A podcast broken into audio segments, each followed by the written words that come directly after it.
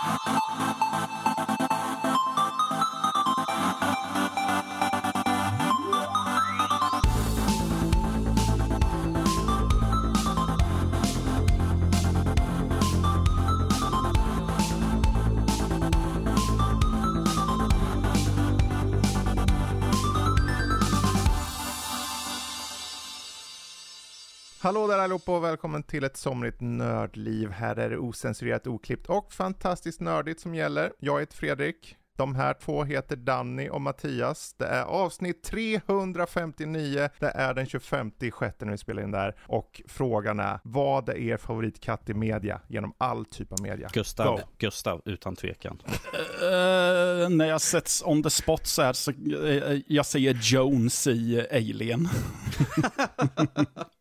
Score. Mm -hmm. Ja men det är bra. Mm. Ja. Eh, som ni märker, det kommer bli lite så här, kanske lite flamboyant skulle jag säga idag. Det får vara lite flamboyant. Flamboyant? Idag. Jag känner det. Ja, lite flamboyant. Okej. Okay. Jag tänkte mer lätt och ledigt. Det är ju sommar, men... det är ju sommar, det är lite löst och ledigt, det är kul. Man måste ha kul ibland, eller hur? Vi har en vecka kvar innan vi går på typ ett sommaruppehåll, för sen kommer det, det kommer sommaravsnitt också. Eh, så vi kommer fortfarande finnas i eten, men eh, det kommer vara förinspelade specialavsnitt. Mm. Så vi får en liten semester. För att det kommer säkert vara ännu varmare då och då kommer jag ligga liksom eh, och dö i, i badrummet med en fläkt stående på mig. Åh gud, om det är ännu varmare än 30 grader som det var, då blir det varmt. Mm -hmm. Oj, oj, oj. Men vad som är hett, det är ju vad vi har på agendan idag. För vi har allt möjligt. Det är allt från Warhammer 40K Battle Sector. Eh, vi har ja vad har vi för något? Vi har Phobia St. Dinifria Hotel, hur man nu säger det. Mm -hmm. um, ja, Steam Deck och uh, Playstation Premium-tjänster. Och uh, ja, och annat smått och gott. Men vet ni vad? Innan allt det där så tänker vi ska hoppa in på veckans nyheter och för en gångs skull ska vi göra lite annorlunda. Mm -hmm. Jag tänker att vi helt enkelt har uh, nyheter per person den här gången. Alla kommer in med lite nyheter och sen får vi se vad som överlappas. Det återstår att se. Mm. Och jag tänker jag kan, jag tror att jag har mer udda, det återstår att se, men udda är ju re, så här, relevant eller irrelevant beroende på, för ni kanske, ja men här kommer säkert ha något om grafikkort. Och mycket riktigt, mina nyheter den här veckan. Uh, Miners och internetcaféer säljer äh, GPUer för att nu kraschar hela marknaden. Hoppla. okay. mm. uh, just nu så är det som så att uh, de här grafikkorten, de har ju gått ner stadigt i pris. Och uh, det är ju bra. Men det har inte varit så att man har varit riktigt nära riktpriset vid det här standardpriset som de här Nvidia och AMD har sagt. Men nu inom kort kommer det nog krascha på, på den, till den grad att det nog går under.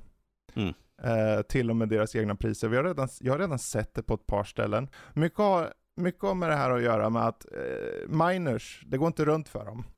Och det går inte runt för dem av den enkla anledningen att de, deras kostnader bara för hur mycket energi det tar att driva sina jävla riggar och sånt är mer än vad de får ut i pengar. Så de börjar sälja av kort och det börjar med de små minerserna, de som har lite, en, mindre liten park. De börjar sälja av. Mm. Men då förespås det ju nu att de större minerserna kommer också krascha snart för att de kom, energikostnaden är inte, de, de får lite mer än vad det kostar att driva. Men snart kommer de gå under också och då kommer det vara en sån flod med grafikkort. Så att eh, de här priserna vi ser nu som är ganska bra, de kommer bli bättre. Jag har redan sett 3090s för runt 10 000. Ja, det är ju en jäkla skillnad på hur, vad det har varit. Ja, så om du la 25 papp på det, ja, då har du betalat mycket. Men du var med där och då. Och det är mm. inte ett dåligt kort, det är bara att det är lite surt då. Så de här miners och kaféägare då säljer nu alltså grafikkorten i, i, i mängder. Och då säljs de då dels över livestream-aktioner där så här modeller som 3060 Ti kan fås mellan 300 till 400 dollar. Eh, och det är ett kort då som i Sverige kostar runt, det är ett, som billigast 5. Det är ett väldigt bra pris. Ja, och det är nu. Sen när det kraschar mer, ja, då kommer det kanske till och med vara under 300 dollar på vissa platser. Så det är en nyhet. Håll, håll koll ute där nu på, på grafikkortsmarknaden säger jag. Om ni har hållit så här länge, så avvakta och se vad de här i, i mid-tier och de lägre korten kostar om cirka en månad eller så. Mm. För då kanske ni kan komma över det till sjukt bra pris. Jag såg idag ett 3060 för 4000. Det, ja. Så att det, det händer och det kommer gå ner mer. Det är nyhet nummer ett. N- eh, nyhet nummer två är också indirekt också grafikkort i det att det är som ett, Jag ser ett tema här nu. ja, eh, lite av ett så här ett lackmustest på att man förstår att det blir bättre och det är bara att många av de här eh, tillverkarna idag av grafikkort har ju ofta haft, ungefär som på på vissa affärer, du vet, du behöver förhandsboka. Om jag vill ha den här konsolen och jag vill ha det här grafikkortet, då behöver du stä- sätta dig i kö, Mm. har det varit. Eh, EVGA till exempel just nu skippar kösystemet. De säger själva att de har tillräckligt mycket med kort och de vet att det kommer gå bra just nu, så att det är fritt att köpa hos dem. Mm. Och det är bara ytterligare ett steg mot att eh, ni som har väntat på grafikkort, vänta lite till så kan ni köpa för väldigt bra priser. Alltså, det skulle ju inte vara helt fel för en sån här superkrasch om man kommer över typ ett 30-90 på runt fem pappsar. Ifall det, jag, jag snackar riktigt Ja. hård krasch alltså. Marknaden Precis. flödas in av alla jävla kort och sånt där. Exakt. Det har ju med inflation att Mm. göra, tro det eller ej. För inflation tänker man, ja men då har ju folk inte råd. Men det är just att de som säljer av det får det ju inte för samma pris som de hade hoppats. Och det blir bara trycks ner och så blir det bara mängder och mängder. De här som är miners, de är rädda. Och jag måste sälja nu, jag måste sälja nu. Men då tänker alla så. Och då börjar det flödas ut liksom kort på marknaden. Så om man kollar typ Tradera eller någonting, håll utkik efter de här feta korten om ni vill. Så kan ni nog komma över en, f- kanske rent av för runt 5-6 tusen bero, beroende på vilket kort det är. Ja, för ifall, ifall folk som är miners ser att liksom, de, de slänger upp massvis med det här korten som vi Mm. sitter på. Ifall inte vi börjar göra det också så kommer, när vi väl får upp våra så kommer liksom priset ha liksom sjunkit så Mm. långt ner att vi kommer tappa så himla mycket. Precis.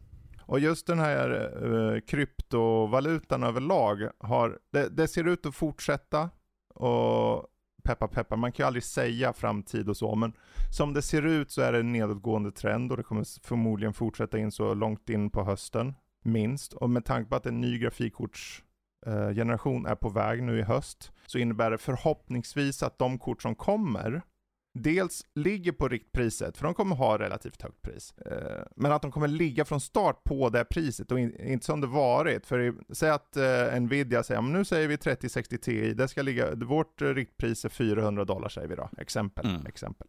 Och sen så i affären så var det 800 dollar. För att det var en sån efterfrågan. Nu kanske korten kan komma på det priset som Nvidia och AMD säger. Och sen på det så har du då en, en så överfylld marknad förhoppningsvis i höst, peppar peppar, att folk kanske tänker, ja men jag kanske kan skippa 4000-serien på Nvidia till exempel. Och vad händer då då? Jo, då måste de ju slåss om kunder istället. Och om de slåss om kunder så måste de pressa priserna. så att då kanske riktpriserna för den nästkommande serien är något lägre än vad de hade tänkt sig. Det återstår att se. Jag tycker det är bara spännande. Mm. Det, det var det i alla fall. Sen har jag här Xbox. De kommer fokusera på demos. Mm. Okej, Eh, Istället och det här för- var, eller bara att Nej, de inte satsar? istället på. Ja. Det, ytterligare Okej. en sak de vill fokusera på. Det, de vill uppmana utvecklare, säger de, till att skapa demos och till och med kompensera de som gör demos. Eh, och de vill till och med ge utvecklare tillgång till så information angående hur många nedladdningar, hur många som har spelat, bara för att utvecklare ska få veta bättre vad som funkar och inte funkar. Eh, det här är en nyhet som Xbox själva la ut. Det var mängder med nyheter som de hade i en enda så här blogginlägg. Men just den här biten tycker jag båda gott i det att dels är det aldrig fel med demos tycker jag, men också om de uppmanar utvecklarna så blir det så här, ja men då leder det till att de förmodligen vill göra demos och vill de göra demos så vill folk ta del av demos mer och vill folk ta del av demos mer så får de mer statistik och får de mer statistik så gör de fler demos och så går det runt. För de får kompensation också. Ja, var, det inte, att, eh, var det inte Sony som hade någon eh, typ nästan eh, motsats till det där? Att de typ tvingar eh, Du, ja, att Sony- eh, Sony ut utvecklarna med- måste göra demos. Precis att du måste ha demos till spel, att det är mer eller mindre ett tvång var det ju. Det här var ju för någon Mm. månad sedan de kom ut med det att ifall du ska släppa på Sonys plattform så måste du ha ett demo tillgängligt och man kommer inte undan det. Oberoende Nej, på hur stor eller liten man är, att du måste ha det. Och det är ingen som nu, som Fredrik sa i den här nyheten, att de blir kompenserade, utan det är liksom, du måste ha det. Punkt Ja, slut. Vi, men- vi bryr oss inte om ifall ni måste arbeta extra, ni ska ha ett. För, Och det, det är så en tydlig skillnad på hur man arbetar, för Mm. Xbox här vill ju hjälpa utvecklarna, Mm. och Sony gör tvärtom. De är mer, det skaver där med. Det var precis det jag tänkte säga också, att jag tycker att det här är ett mer humant sätt att få Mm. fram demos. Det är att man, men det, det känns lite mer, mer uppmuntrande, för vad jag förstod med den nyheten är att det kan vara ganska bökigt att göra Mm. demos, och då är det väl schysst att man kompenserar eh, utvecklarna. Ja men det är ju tid och pengar, Mm. så det är ju jättebra. Ja. Så, och det, vi får se vart det här implementeras, eh, när det väl kommer och så vidare. Och så vidare. Ja, jag, kommer, för det, jag tycker det skulle vara riktigt skönt, för jag kommer ihåg förr, det var ju, förr hade ju till exempel kunde man få en sån här CD-skiva med, till exempel PC Gamer eller något sånt där hade ju vanligtvis med en. CD-skiva, en sån här demo, demodisk. Där man Ja. kunde få testa på. Här är de nya heta spelen. Det finns ju inte längre. Mm. Hade- Nej precis. Det hade Playstation-magasinet också, om någon X- kommer ihåg det. Xbox, Mm. Xbox hade nog också något sånt där. Och Mm. Det, var ju till, det är ju ett skönt tillfälle att testa ett spel utan att köpa Ja. grisen i säcken. Liksom. Är det här ett spel jag kan ge? Nu är det liksom så här, jag har sett gameplay, jag har hört dem prata om det, men att Mm. bara för att du ser det, för jag menar, när du gör en trailer eller något sånt där, du visar upp de, de positiva bitarna där som ser snyggt och bra ut. Man vet inte att Precis. kanske nästa segment i spelet är totalt, åh nej, bökigt. Ja, men de gör mycket rätt här och det kanske kommer vi nog in på senare angående premiumtjänster på Playstation, men det här projektet heter i alla fall Project Morecroft och det är alltså ett program som kommer gå ut till Xbox Game Pass Mm. då och det förväntas komma ut nästa år. Så eh, komplement, sen tänker man, då kanske folk tänker ut, men varför ska du ha demos på Game Pass? Då får du ju ändå hela spel. Ja, men då kan du ju få demos på sånt som kanske inte är klart än, eller sånt som komma skall. Liksom. Exakt. Så att säga att eh, det där storspelet du funderar på, men du är inte säker på det. Och så kommer det ut ett demo, så känner du på, ja ah, men du, det här ska jag nog preppa mig för. Mm. Precis som det var förr. Exakt var så. bra. Jag vet inte hur många Mm. gånger jag körde igenom vissa demos så här Mm. om och om, om igen. Ja. Och sen körde jag fulla spel och bara, ja det var okej, men demot var lite bättre. Ja. Jo, jag känner igen mig fullständigt. Eller typ att man spelade fulla spelet och sen så var det Mm. inte någon utmaning eh, just det partiet som Nej, demon precis. täckte. Precis. Mm. Jag hoppar vidare, jag har bara tre kvar. Uh, Plague Tale, Requiem, släppdatum. 18 oktober kommer det till PC, Xbox Series X och eh, X och S, Playstation 5. Och det är inkluderat som vi vet i Game Pass från start. Mm. Ehm, de hade ju en liten, ehm, en liten livestream eller en stream överhuvudtaget så de fick lite mer gameplay. Ehm, Ja. Det ser, det ser bra ut. Och det, det, kommer nu inom kort. Mm. Eller ja, kort och kort, i höst. Mm. Ehm, och sen har vi då angående, ja, det är Miyazaki från From Software. Hans nästa spel är i the final stages of the me- development.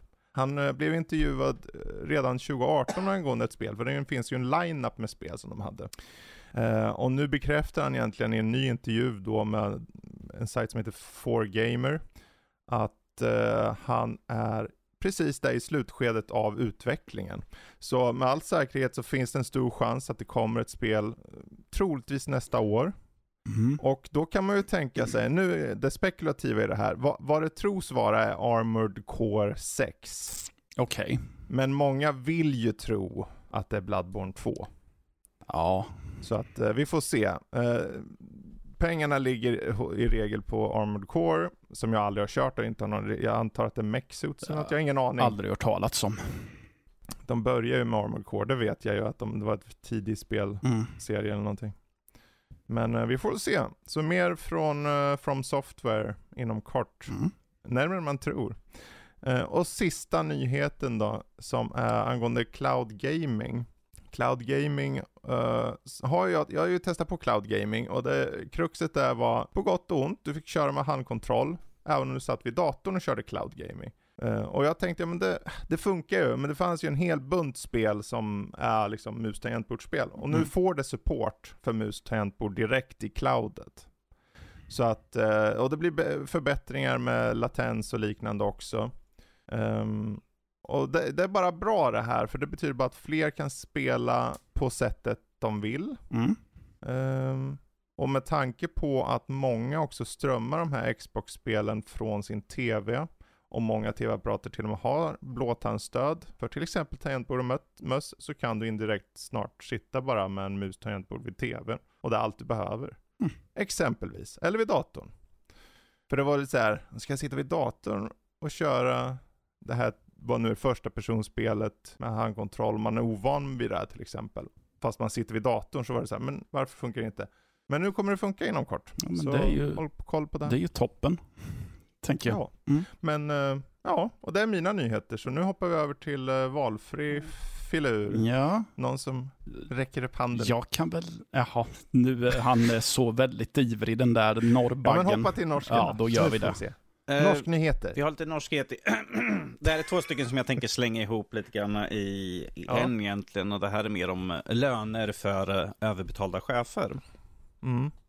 Eh, den första vi har är Yves Guillemot som är eh, VD för eh, Ubisoft. Ubisoft har haft mycket skandaler och sånt de senaste året, mycket om deras arbetsförhållanden och sånt där. Och mm. nu har tydligen Yves Guillemot själv valt att sänka sin lön med 3 miljoner kronor.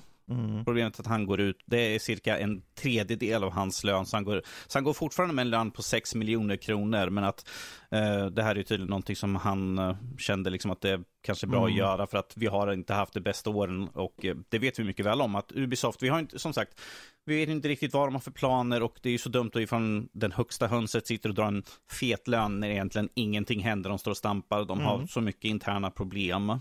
Så jag, jag, tycker att det är ett bra steg, men att det finns så mycket mer som uh, han behöver göra i företaget egentligen. Ja, det är ju, det, det, är ett bra steg. Och det är också så här, det är så många saker de behöver göra där borta på Ubisoft. Så att, uh, men många bäckar små. Mm, de behöver ja. få ut spel också. Yes. De Va? är borta med spel. Menar du det? och ja. eh, den andra Eh, är EA's vd Andrew Wilson, där hans mm. lön halveras. Och det här är ingenting som han är självmant, utan det här är aktieägarna som mm. har röstat fram att hans lön ska bli halverad för att, ja, de tycker väl att han inte riktigt har, att de inte har levt upp till vad de förväntar sig att få ut, så därför tar de och halverar hans lön. Han får ut endast 200 miljoner kronor då. Ja, oh, oh, stackarn. Yes. Vad sa du, 200 miljoner kronor? 200 miljoner är det han får ut. Han har, han har, efter halveringen? Ja, mm. efter halvering. Han har en ordinarie lön på 4, 400 miljoner och nu får han bara... Han gråter nog hela vägen till banken. Precis. Jag, jag ser mig som, uh, jag, jag, jag, ser framför mig Steve Buscemi i uh, Reservoir Dogs. Det här är världens minsta fiol som spelar för Andrew Wilson. Mm. Eller vad han hette. ah, jo. Mm. Jag menar, det, det, här är liksom hutlösa löner som de drar ut och mm.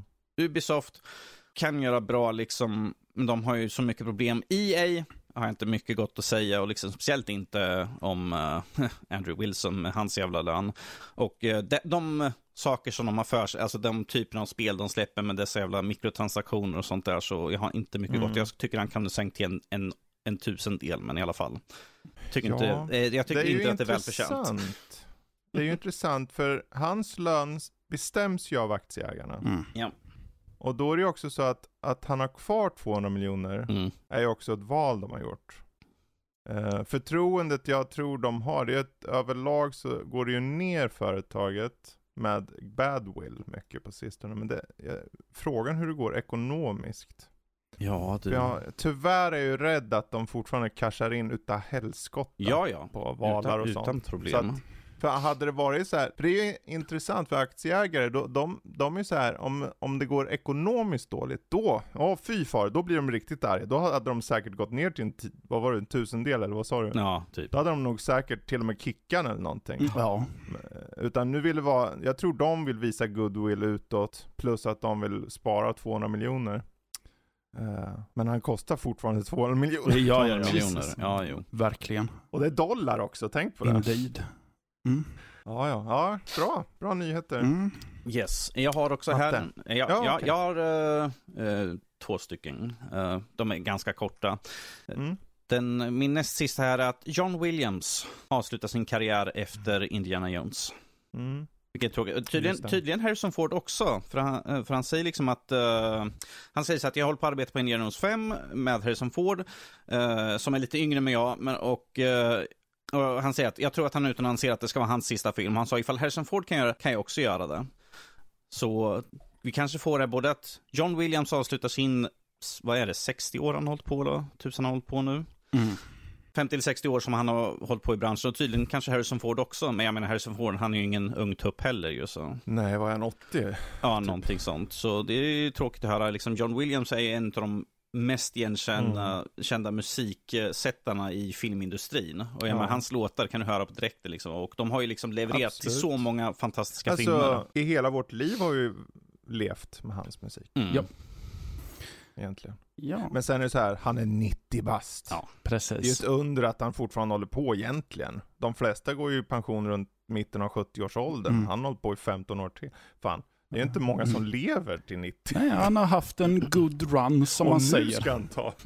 Nu tar jag pension. Han bara, nu ska jag börja leva livet sådär. Nej men det är alla, det är alla väl, välförtjänt för honom, tänker jag. Ja, verkligen. Ja, och... verkligen. Kan han, sitta, kan han sitta på sin balkong och hytta men även bara, de gör, gör bättre musik förut till filmer. Och, Vad tänkte du säga Matte? Och jag blir väl inte super superförvånad över att Harrison Ford kastar in handduken heller riktigt. Det har, ja, det har väl känts lite så på hans persona, att han har, mm. inte att han mm. har känts oengagerad, men att någonstans har han utstrålat, ja men jag är lite färdig med det här tror jag nu. Mm. Samt att vi hade ju att han gjorde sig illa under inspelningen och därför de gjorde ett avbräck ju. Så jag vet inte ifall hans ett avbräck. De gjorde ett, av, de gjorde ett avbräck på filminspelningen där, så ja. jag menar, med hans ålder och liksom så göra sig illa samtidigt, eh, mm. samt den här, mm. vad var det, flygolyckan hade, eller vad fan det var för några år sedan. Mm. Gör ju kanske att han kanske inte är den bästa formen och jag tror inte att spela Indiana Jones är kanske det rätta för honom längre. Ju så. Nej. Nej. Uh, vi kan ta min sista nyhet. Jag tycker det här var bara en kul grej. Uh, jag såg det här. Det om Diablo Immortals Rift Simulator där du kan simulera och få de här, eh, eh, vad heter det för någonting, de här super, eh, vad heter de för super... Eh, Riften eller bara? Eller? Nej, nej, alltså det, man måste, för att kunna få göra de där riften måste man hitta de, de, de här ädelstenarna ja, som finns i fem nivåer. Ja, Den här ja, simulerar hur mycket pengar du kommer vara nödd att lägga, alltså riktiga pengar du kommer vara nödd att uh, lägga på det. För att det var ju att för att uppgradera en karaktär till maximalt så räknar man ut priset på cirka 100 000 dollar. Och den här simulerar bara för att få de här eh, five star gems. Jag tycker det är kul. Det, det är liksom en, en ganska stor sån här liksom bara, ja, här får ni se hur mycket skit det är. För det här är ju som sagt, egentligen, det är endgame allt det här gäller ju. Ja. Första, fram, du spelar fram till uh, endgame så ska tydligen spelet vara jättebra, men att när du kommer till endgame, det är då det börjar kosta. Och nu har de gjort en sån här uh, Rift Simulator bara för att se hur mycket pengar kommer du slösa. För att kunna mm. liksom få de här. Med andra ord, sluta vid en game. Ja, med andra ord. Då har du i alla fall fått ett gäng timmar. Precis. För ett gratisspel. Jag tyckte det var kul att någon har snabbt slängt ihop den ja. bara för att liksom visa så här, så här mycket pengar ja. kommer du eventuellt lägga ja, ut sådär. intressant. Det här är kul, jag tror du skulle ta den Skalle Bones-nyheten. Nej, nej, Vi hoppar nej. till matte. Ja, och då, kan, då fick jag ju möjlighet att välja vilken jag skulle ta först med tanke på vad Danny bland annat pratade om nu. Och det är att eh, Brad Pitt säger att han börjar se slutet på sin skådespelarkarriär. Han är blott okay. 58 år gammal, men han sa i ett porträtt som är gjort av sajten GQ att han börjar fundera över det sista kapitlet. Han, ett citat därifrån är att han säger att jag börjar närma mig slutet, sista terminen, hur ska den se ut och hur vill jag designa den? Frågar han sig. Mm. Och, eh, men det kommer ju troligtvis inte hända supersnart, för jag menar han kommer ju vara med i eh, filmer som Bullet Train och eh, Babylon innan dess i alla fall. Och de kommer ju inom det närmsta. Men man mm. siar om att han troligtvis kommer göra som Jim Carrey och lägga skådespelarkarriären på hyllan för att ägna sig åt andra intressen. Bland annat är han mm. tydligen en hobbyskulptör. Jaha. Så han kanske ägnar sig mer åt det. Och han fortsätter att säga att jag är en varelse som uttrycker mig genom konst. Om jag inte skapar så dör jag. Ungefär. Han är en varelse. Ja, precis. Brad Pitt är en varelse. Ja, ja. ja och eh, Tarantino uttalar sig om att han säger att han är en av de sista absolut stora filmstjärnorna och det skulle väl vara tråkigt men förståeligt om han väljer att lägga av. Mm. Mm. Sant. Ja, det är väl ganska talande i och för sig för vi har väl börjat se mindre och mindre av honom också. Han är väl inte så aktiv som han en gång var, vill jag minnas. Nej, han var ju också en pretty boy sådär, så att jag skulle inte säga att han är definierad av hur han ser ut. Nej. Men många andra definierar honom utifrån det. Mm. Så, kanske casting och sånt. Men han är en väldigt bra skådespelare. Ja, han är man jättebra. Inte säga, man kan inte säga något om att han är dålig skådis bara för att han Jag tycker att man kan ta ut. Brad Pitt och väldigt många som nämndes som pretty boy förr i tiden. Att man har sett nu genom åren så ser man ju faktiskt att de har en talang där bak. När de har kanske gått förbi den här, mm. jag är enbart ett fint ansikte, liksom visat liksom, jag har faktiskt en talang, jag har ett djup som skådespelare. Och Brad Pitt är ett mm. bra exempel, han är en jättebra skådespelare. Förr var det ju såg jag film, liksom, ah, Brad Pitt, ah, det var en film för att liksom, kvinnor ska kunna, oh, är så fin. Mm. Men så tittar man på filmen, man bara, ja men han, han ja. har en bredd liksom. Eh, gjorde inte DiCaprio en liknande resa där? Att först jo, var han ett verkligen. sött ansikte och sen visar han, nej men jag, titta jag. Men det är ju sådär, mm. man, man får, och så här, när man får distans till det. För jag ska erkänna att jag var nog en av de där när Titanic kom, så var åh, oh, alla tjejer, oh, ja. han suger nog bara för han håller på zonen. Mm. Men egentligen, jag tyckte inte illa om Titanic, jag ska erkänna det. Jag tyckte det var en okej okay film. Mm. Ja men det är en bra film, och tycker jag. när jag såg Gilbert Grape, som kom ut, alltså den såg jag innan. Mm. Alltså den porträtteringen han gjorde av eh, en funktions... Uh, vad heter det? Skadad? Funktionsnedsatt. Funktionsnedsatt person tyckte jag var jättebra. Ja, ja. Så att han hade det chops innan Titanic. Bara, varför ska han inte kapitalisera på det när det begav sig? Och sen gjorde han The Beach och sen gjorde han, jag vet inte vad han gjorde efter, mm. massor, The Gangs of New York och så fortsatte bara Revenant många år senare. Ja. Han är fenomenal han också. Precis. Mm. Ja, men då kan vi väl gå vidare till spel, men det är fortfarande lite eh, inom filmvärlden på ett sätt. Ah. Eh, filmlicensspel älskar ju många. ja.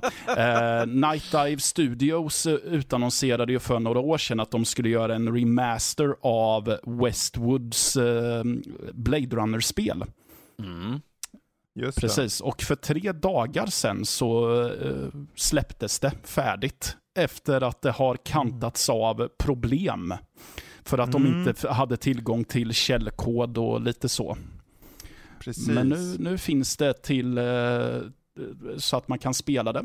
Um, jag har inte testat det dock.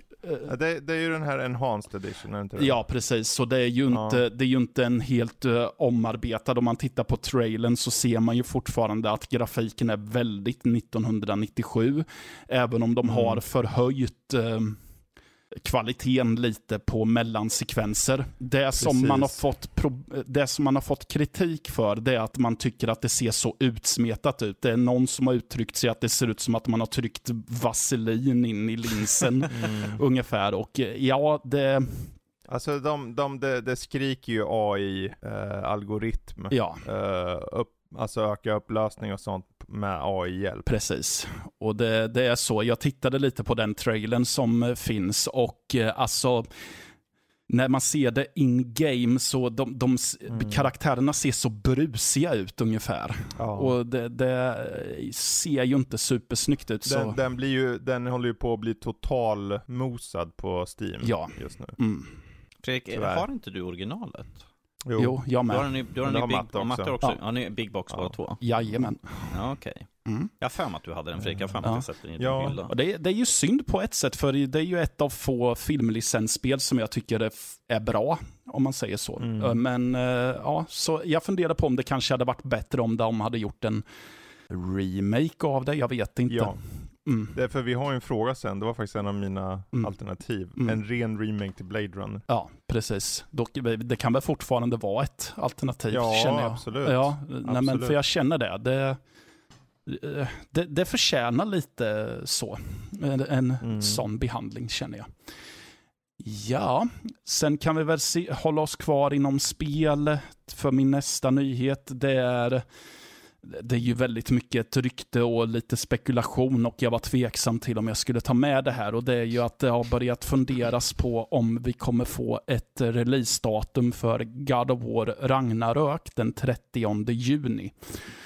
Just Detta det. är baserat på en GIF, eller vad man ska kalla det för, som släpptes på eh, Twitter, där man ser eh, en, eh, då man ser Kratos eh, nicka gillande och så är det typ eh, siffrorna 1, 1, 1 och 0. Och tydligen om man bryter ner det, om man översätter den siffran binärt så blir det 30 tydligen. Jag ja, det, det här övergår min. så. Mm. så jag vet inte om... Hur... Det kan, ja man undrar ju det där, jag hoppas det inte är någon bara som trollar. Ja, eller hur? Ja, om vi säger så här, det finns ju väldigt många, det var ju någon på Twitter, jag kommer inte ihåg ändå, som hade lagt upp en bild där det liksom, det här är vad de kommer ha och visa mm. upp under nu under de här, uh, när de hade en showcase och allt sånt där. Och då var det liksom så här, release date, God of War, och sen var det mm. massvis med andra saker som tog på den listan. Det här var ett konto som heter The Snitch på Twitter. Mm. mm. så, ja, jag vet inte. Eh, så man kanske ska ta det med en skopa salt. Jag vet inte, men man kan väl hoppas i alla fall. Mm. Mm. Hoppas att det är ett spel som inte skjuts upp till nästa år. Sådär. Ja, jag ett, har... datum, ett datum för i år eh, skulle sitta väldigt fint sådär. Mm. Jag, har en, jag har en nyhet till, eller om ni vill säga något mer om God of War. Där. Nej, kör vidare okay, Då är det... Då är det såklart en skräckfilmsnyhet jag har här. Bill Skarsgård ska göra skräckfilm och eh, den här gången kommer han inte spela, vad det verkar som i alla fall, ett eh, läskigt monster som han gjorde i It-remaken, utan nu ska han spela en herre som heter Keith, som verkar vara en vanlig man i filmen Barbarian, som handlar om en eh, tjej som eh, har eh, upptäcker att det Airbnb hon har eh, bokat visar sig vara dubbelbokat. Så av någon anledning så hittar hon till Bill Skarsgårds adress och säger att det här har hänt, kan jag få bo hos dig? Och han släpper in henne, typ. Men det verkar dölja sig väldigt mycket mörka hemligheter i det här mm. huset när hon börjar luska, luska lite. Så frågan är, vad är det som har hänt med Keith och vad är det som försiggår här? Uh, jag tycker att trailern eh, ser intressant ut. Vi ser ju bland annat i huvudrollen så ser vi Georgina Campbell som har varit med i serien Black Mirror bland annat. Uh, ja, och vad nu alla dessa hemligheter betyder, det får vi se den 31 augusti. Då har mm. den amerikansk premiär, men troligtvis strax därefter, förhoppningsvis i Sverige. Var, var, varför vill jag ha, liksom, man ser ett litet, som ett hål i vägg, man ser ett öga som liksom, Yet no mother, I'm talking to the people. Ja, exakt. Mm. Precis. Ja, det var, det var de nyheterna mm. jag hade att bjuda ja, på. Bra. Salig mm. blandning. Ja, men ja. Skön, skön mix från oss alla här känner jag. Det var lite kul att testa på att köra egna. får vi kanske fortsätta med. Mm. Uh, bra, men vet ni vad? Innan vi går in på vad vi själva har sett och sånt så tänker jag vi ska kanske försöka landa lite här. Så vi ska eh, ha lite kul. Jo. Alltså, ja, vi får hoppas att det blir kul i alla fall. För det återstår att se. Uh, det kanske blir skittråkigt att lyssna på. Men vi har ju det här köp, hyr, kasta i soptunnan. Alltså man får tre stycken saker. En ska köpas, alltså bäst. En ska hyras, den okej. Okay. En ska bara försvinna åt fanders. Mm. Uh, och då har jag ett par olika kategorier. Vi ska inte köra alla, vi kör högst tre. Men följande kategorier finns. Classic Horror Games 1, 2, 3. Ultra Classic RPG Games. Ett helvete att välja Film Edition 1 och 2 och bara tvåor. Japp, det är film det gäller i den där. Ja, jag, jag är ju väldigt lockad av ett helvete att välja. Mm, mm. Vilken då? Ett, två? Uh, ett. Ett. Mm. Bra. Uh, film edition här då. Det är tre filmer. En ska köpas, en ska hyras, en ska kastas i soptunnan. Det är Gudfadern, Schindler's list och Den gode, den onde, den fule. Så Gudfadern, Schindler's list, Den gode, den onde, den fule. Eh, vilken ska köpas, vilken ska hyras, vilken ska kastas i soptunnan? Mm, ja. ja, vem tar ordet? Jag förstår ju varför du valde just den titeln. um, Okej. Okay. Hade det varit tvåan hade det kanske varit lite lättare. Mm, Okej. Okay. Um, ehm, nej, men jag tror att jag köper den onde, den gode, den fule. Jag hyr nog uh, Gudfaden faktiskt och kastar Schindlers list. Mm. Mm. Du hatar Schindlers list? Ja, jag hatar okay. den. Mm. Det är kul att bli så hyperbolic. Mm. Du ska säga också, jag hatar Jag hatar Schindler's list. Fy fan, jag kan inte se en Liam Neeson-film längre på grund av den jävla skitfilmen. Vi klipper ut det så vi har det som en sån här litet... Uh, Åh, gud vad roligt. All in good fun. Vi Ja. hoppar över till Danny. Yes, eh, i mitt fall så blir det att jag köper Schindler's list. Mhm. Eh, jag hyr den gode, den onde, den fule och jag slänger Gudfadern. Mm. Och nu vill jag att du säger att du hatar. Gud vad jag hatar Gudfadern, jag orkar inte med Ta ut bomullstössarna, vi hör inte vad du säger gubbstött. Ja men jättebra, jättebra. Okej. ehm, då, för min del Ja. så är det jättesvårt. Supersvårt, det var därför jag gjorde den. Mhm. Jag satt själv såhär, men vad fan gör jag det här för? Det här kommer ju vara ett helvete. jag kan säga i alla fall, jag börjar i andra änden, att det jag kastar i soptunnan är Gudfadern. Mm. Fud, fudfadern säger jag. Fulfader. Fulfadern jag. Ja, ja. Fulfadern. ja. Han är ju ganska kan ful. dra åt helvete med den Ja. jävla gudfadern. Ja, det är ju Eh, fulfader. och sen, sen okej, jag är lite så här. Åh, vad svårt. Men vet du vad, jag gör en norsk här. Det aldrig Jag tror jag faktiskt köper, just nu känner jag att jag köper Schindler's list och jag hyr Gode Ronde den fule. Jag, jag, är- En annan dag hade det kanske varit tvärtom. jag är lite upprörd att jag faktiskt inte äger Schindler's listan. Jag har haft den på min lista och skaffat in väldigt länge, bara att jag aldrig blev av. Jag äger inte den heller, Så kan det kommer vara. jag på nu. Så. Mm. Men det var, var kul, Mm. vad kul att vi alla hatar saker. Ja, Hat ger liv, som vi säger.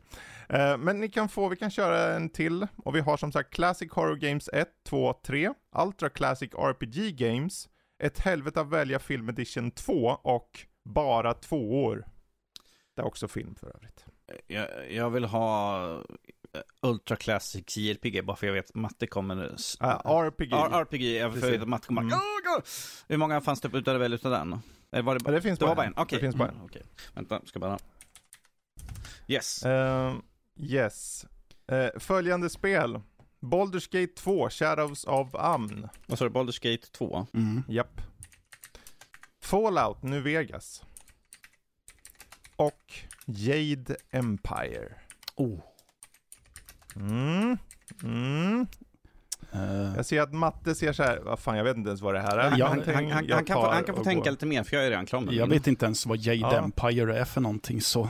Det är ett Bioware-spel de gjorde lite in. Ja, ja. ja, men kör hårt. Ett slags- Kör hårt Men- med ja, du kan få tänka norrbaggen lite då. För min egna del så köper jag Jade Empire utan problem. Jag hyr Baldur's Gate 2 och jag slänger Fallout New Vegas. Mm. Super. Ska, ska jag säga så här, Super. åh jag hatar detta Fallout New Vegas, jävla skitspel, varför ska man... Blä! Sådär, nu har du där du Det kan klippa något, också. alltså det, här avsnittet måste ju heta typ när jag hatar allting. eller någonting. Ja, okej. Nu ska vi se Matte. Mhm. Jag eh, hyr Baldur's Gate 2. Okej, ja, det ett- en plats att börja. Ja. Jättekul. Ja. Jag kastar Jade Empire. Alltså jag har inte hört Jaha. talas om skiten, vilket betyder att då är det säkert skit. Jag menar, jag har bara talas om kvalitetsspel och har inte jag hört talas om det, då, men då, då är det Alltså, ju, vi- då är det är ju rena igen. jävla skiten bara. okej. Go Ja. on, go on. Och så köper jag Fallout New Vegas för att, ja men det är Fallout New Vegas, det är ju Oh. ett av de bästa spelen. Ja, vi kanske skulle Mm. gå så också. Det, eh, kanske skulle bli så här jättehyllande på den som vi tar och köper också. Kanske. Ah, nej, då, då blir det 40 minuters Det avsnitt var en spur of the moment-grej bara. Ja. Mm. Eh, för mig blir det, jag köper Baldur's Gate, jag hyr Fallout New Vegas och jag bajsar i ansiktet på Jade Empire, för det hatar jag av hela min kropp. Det är skönt att du får lite kärlek här från norsken i alla fall. Så. Ja, absolut. Ja. Det är som sagt, det ska ju vara svårt. Det ska vara svårt. Eh, vi kan göra en till, Mm. sen får det räcka. Yes. Classic Horror Games 1, 2, 3. Ett helvete att välja Film Edition 2 och bara tvåor. Kan, vi, kan, vi ta, kan vi ta horrorfilms bara för att jag vet att Matte kommer och han bara, det här är ju enkelt liksom. Horror för jag kan- Games var det. Horror Games menar jag. Horror Games, eh, hur många fanns det på den?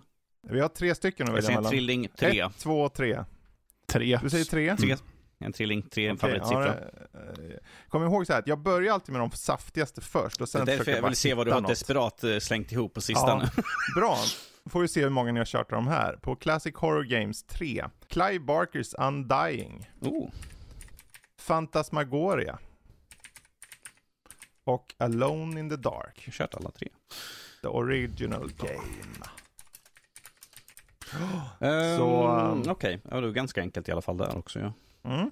Ja men kör du då. Eh, eh, på köp så tar jag uh, Clive Barks Undying. Eh, på hyr så tar jag Fasmagoria och uh, släng åt skogen tar jag Alone in the Dark. Mm. Mm. Jag eh, köper Fantasmagoria, gör jag. Och Mm. jag hyr Clive Barkers Undying. Och sen så kastar jag Alone in the Dark, denna Yankee-röra i soporna där den förtjänar att vara. Oj, den var ju stilbildande för sin tid. Ja, det- Jag hoppas ni inte tänker på uppföljarna. Nej, nej, för nej, de nej, var nej. ju genuint usla. Mm, nej. Bra, för jag, jag köper också Undying. Clive Barkers Undying, definitivt. Jag kommer däremot kasta i soptunnan Fantasmagoria. Som är, jag hatar det av hela min kropp, usch vad jag hatar det, bla bla bla, hat, hat, hat. Mm. Och så är Alone in the Dark Hero. Så, ja men det var väldigt eh, kul att det var så skiftande. Mhm. Det tycker jag om. Ja, det ska Ehm. väl skava lite grann i alla fall. Så. Ja, Mm. och det var ju det som var tanken med de här filmversionerna lite, att det ska, där vill jag att det ska vara svårt. Jag för mig att den här tvåan här är förmo- eller jag för mig, jag ser den nu här framför mig, men den är, jag tror inte den kommer vara, när vi väl gör den en vacker dag, är lika, lika Oh, din jobbig. lilla Sen, den här, tis där. När vi gör det en vacker sen har vi dag. bara tvåor, som är alltså bara nummer två i filmserier. Jag förstod det och hade vi inte valt skräckspel så hade jag varit sugen på den. Mm. Ja, Mm. men det är en annan dag. Ja. Så är det med det. Ehm, men det är ju kul, då har vi någonting liksom sådär. Mm. för en vacker dag. Ehm, ja, bra. Jag tänker vi ska börja snart gå in på just vad vi har spelat och sett och allt sånt. Men jag funderar på om vi kanske ska ta och rycka av Game Pass Roulette Ja, lite snabbt innan. kan vara skönt att ha den Ehm, gjord. så blir det ju, ja så går vi lite mjukt in på kanske Game Pass Roulette-spelen efter det liksom. Toppen. Ja, och ehm, för er som inte känner till det här så är det ju alltså då att man, det finns ju på Game Pass något som heter eh, överraska mig. Man trycker på en knapp och så tar han slumpmässigt fram eh, spel. Och här handlar det egentligen, vi tar fram tre stycken slumpmässiga spel och eh, sen får en person då välja ett av de tre spelen. Sen går vi till nästa person och så slumpar vi fram tre spel igen, så får den välja ett av de tre spelen. Och förutsatt att de inte har kört någon av spelen då såklart, för då kan vi ta bort det här spelet. Och det är väl egentligen hela idén? Ja, antar jag. exakt så. Ja. Mm. Nu ska jag- För Norrbaggen anteckningar som brukligt eller? Eh, ja, jag har min, eh, min textfil öppen. Ja, så bra då. Jag bara väntar på att, uh, ska vi se. Okej. Vänta. Ja men eh, jag kan ju preppa lite här ska vi se. Eh, där har vi lilla överraska mig-knappen. Mhm. Ehm, vi har ju fått, det har varit intressant nu under den här säsongen, vi börjar med det här. Man har fått en del spel som varit såhär, om det här var det sämsta jag varit med om sen någon kom på att göra halloumi. Och sen så har man fått bland spel som faktiskt är genuint bra också. Tycker du Mm. alltså att halloumi är en dålig idé? Ja. Jaha, ja ja. Men men, smaken är som baken. Ja, det, ja Vissa verkligen. Eh, ja, jag kör igång här. Vi börjar med vem? Är frågan då. Eh, Matte, Ja. Danny eller jag? Ja, men du kan börja med mig. Då ska vi se här då. Jag tar och trycker på överraska mig och den håller på att flippa runt här. Oj vad den flippar. Deep Rock Galactic, Ja. den har du väl ändå Det kört? har jag kört tillsammans med dig. Ja, precis. Mm. Då går vi vidare. Mm. Ska vi se vad det blir för något udda. Hitman Trilogy, har du kört den då? Alltså jag har ju kört, eh, alltså vänta lite här nu, vilka spel är det? Är det de klassiska spelen eller vad? Det är de senaste Jag- spelen. Ja, Ja, den nya trilogin. Nej, jag har inte spelat ett enda av dem. Ja men okej då. Mm. Då blir det, det är ju saftigt eh, såklart. Och här, jag tror att eh, då räcker det att köra en Ja, det såklart. hoppas jag verkligen, för jag tänker inte spela igenom alla tre. Nej, då Mm. hoppar vi till nummer två här. Uh, Bug Fables, The Everlasting Sapling. Nej, har du kört Nej, det har jag aldrig ens hört talats om. Bug What? Fables. Okej, ja, ja, Ja, så intressant ut. yes. Och slutligen har vi Ori and the Blind Forest. Ja, det har Har jag du kört. Mm. Mm. Då hoppar vi vidare till Astroneer. Har du kört den? Nej, det har jag inte kört. Nej, okej. Mm. Ja, då har vi alltså Hitman Trilogy, Bug Fables och Astroneer som är dina Mm. veckans smaker här, flavors. Ja. Vilken flavor är, vill, vill du suga in lite extra på Jag tänk- inför nästa? Jag tänker ta Bug Fables. Ja, Mm. Bug Fables. Det är frågan alltså, det finns så mycket spel som man undrar, men vad är ens det här? Mm. Och det här, det här spelet ser ut att vara, alltså ett action och actionäventyr beskrivs det som. Mhm. Adventure RPG med tre hjältar. Ja, men det kan säkert vara någonting. Ja, ja. Ja, då så. Då hoppar vi till eh, Danny då, mm. ska vi se. Och eh, vi trycker på knappen, ser vad det dyker upp. Need for speed rivals, har du kört den? Yes. yes. Um, Bloodroots, har du kört den? Mm, no. Den uh, kommer jag ihåg, den recenserade Den är ganska blodig. Man är någon slags lumberjack som springer runt och Ja, men lumberjacken, I'm okay. Ja. Nummer två. Rush, a Disney Pixar Adventure. Uh, what? Jag antar att... Jag har aldrig hört talas om. Det, ja det, vad fan var det nu Familj och barn, ja det är säkert så man gör, man eh, du går säkert, har olika sådana småspel säkert på de olika filmerna, skulle jag gissa mig till. Ja, mm. så kan det nog vara. Ja. Och så slutligen, Space Lines from Far Out. Det är också en titel. Ja, verkligen. Space Lines from, from the Far Out. Ingen aning vad det är för någonting. Ja, okej. Okay. Bloodroots Var... Rush eller Space... Jag tar det här Space Lines. Space Lines? Ja. Ja, ja, spännande. Bara för att jag noll, andra kan, du sa att första var jätteblodigt, det låter ju som typiskt mig. Rush, små blandade små spel, liksom Pix, Disney mm. Pixar. Och det här Space Lines, ingen koll, därför tar vi den. Nej, nej. Okej, okay, ja men det blir ju spännande. Precis. Det enda jag kommer ihåg tror jag att det är ett partyspel. Mm. Men eh, då, då blir det min tur eller otur hur man nu ser det. Ja. Uh, först så kommer det uh, Wasteland 3, den har jag tyvärr kört. Det är ett mm. fantastiskt uh, spel. Inte tyvärr, inte tyvärr som att det var då. Mm. Vad in i helvete är det här? Non-Guns Doppelganger Edition. Inte det där... en blekaste aning om vad det där är. Non-Guns med Z, det låter väldigt ja. benigt. Ja, de, de doppel... ljuger ju, för det står ju en snubbe med en hagelbrakare i näven där. Ja, ja. det ser udda ut. Ja, verkligen. Mm. Um, jag fortsätter. Ja, Nummer två är Doom 93. Ja, no, den kanske jag kört. Du kanske var med då Fredrik. En gnutta bara. Undungeon. Jag tror inte jag kört den. Väldigt eh, fint mystiskt omslag med en melankolisk, nästan demonisk varelse som håller ett ljus, mm. Eh, en ljusboll där. Ja, mm. udda. Mm. Tiny bildspel. Och slutligen nummer tre. Hellblade har jag kört. Mm. Uh, Dandy Ace.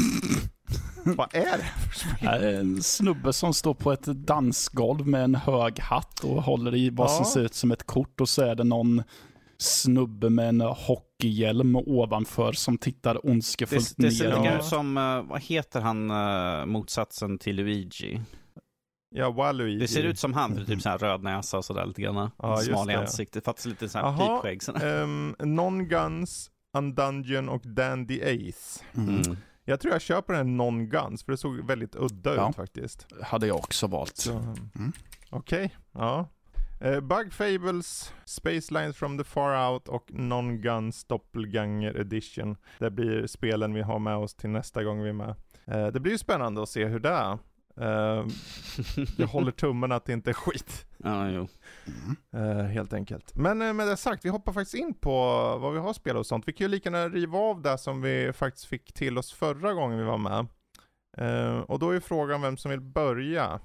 jag, kan, jag kan ta lite kort om mitt sådär. Ja, vad hade du? Medieval Dynasty.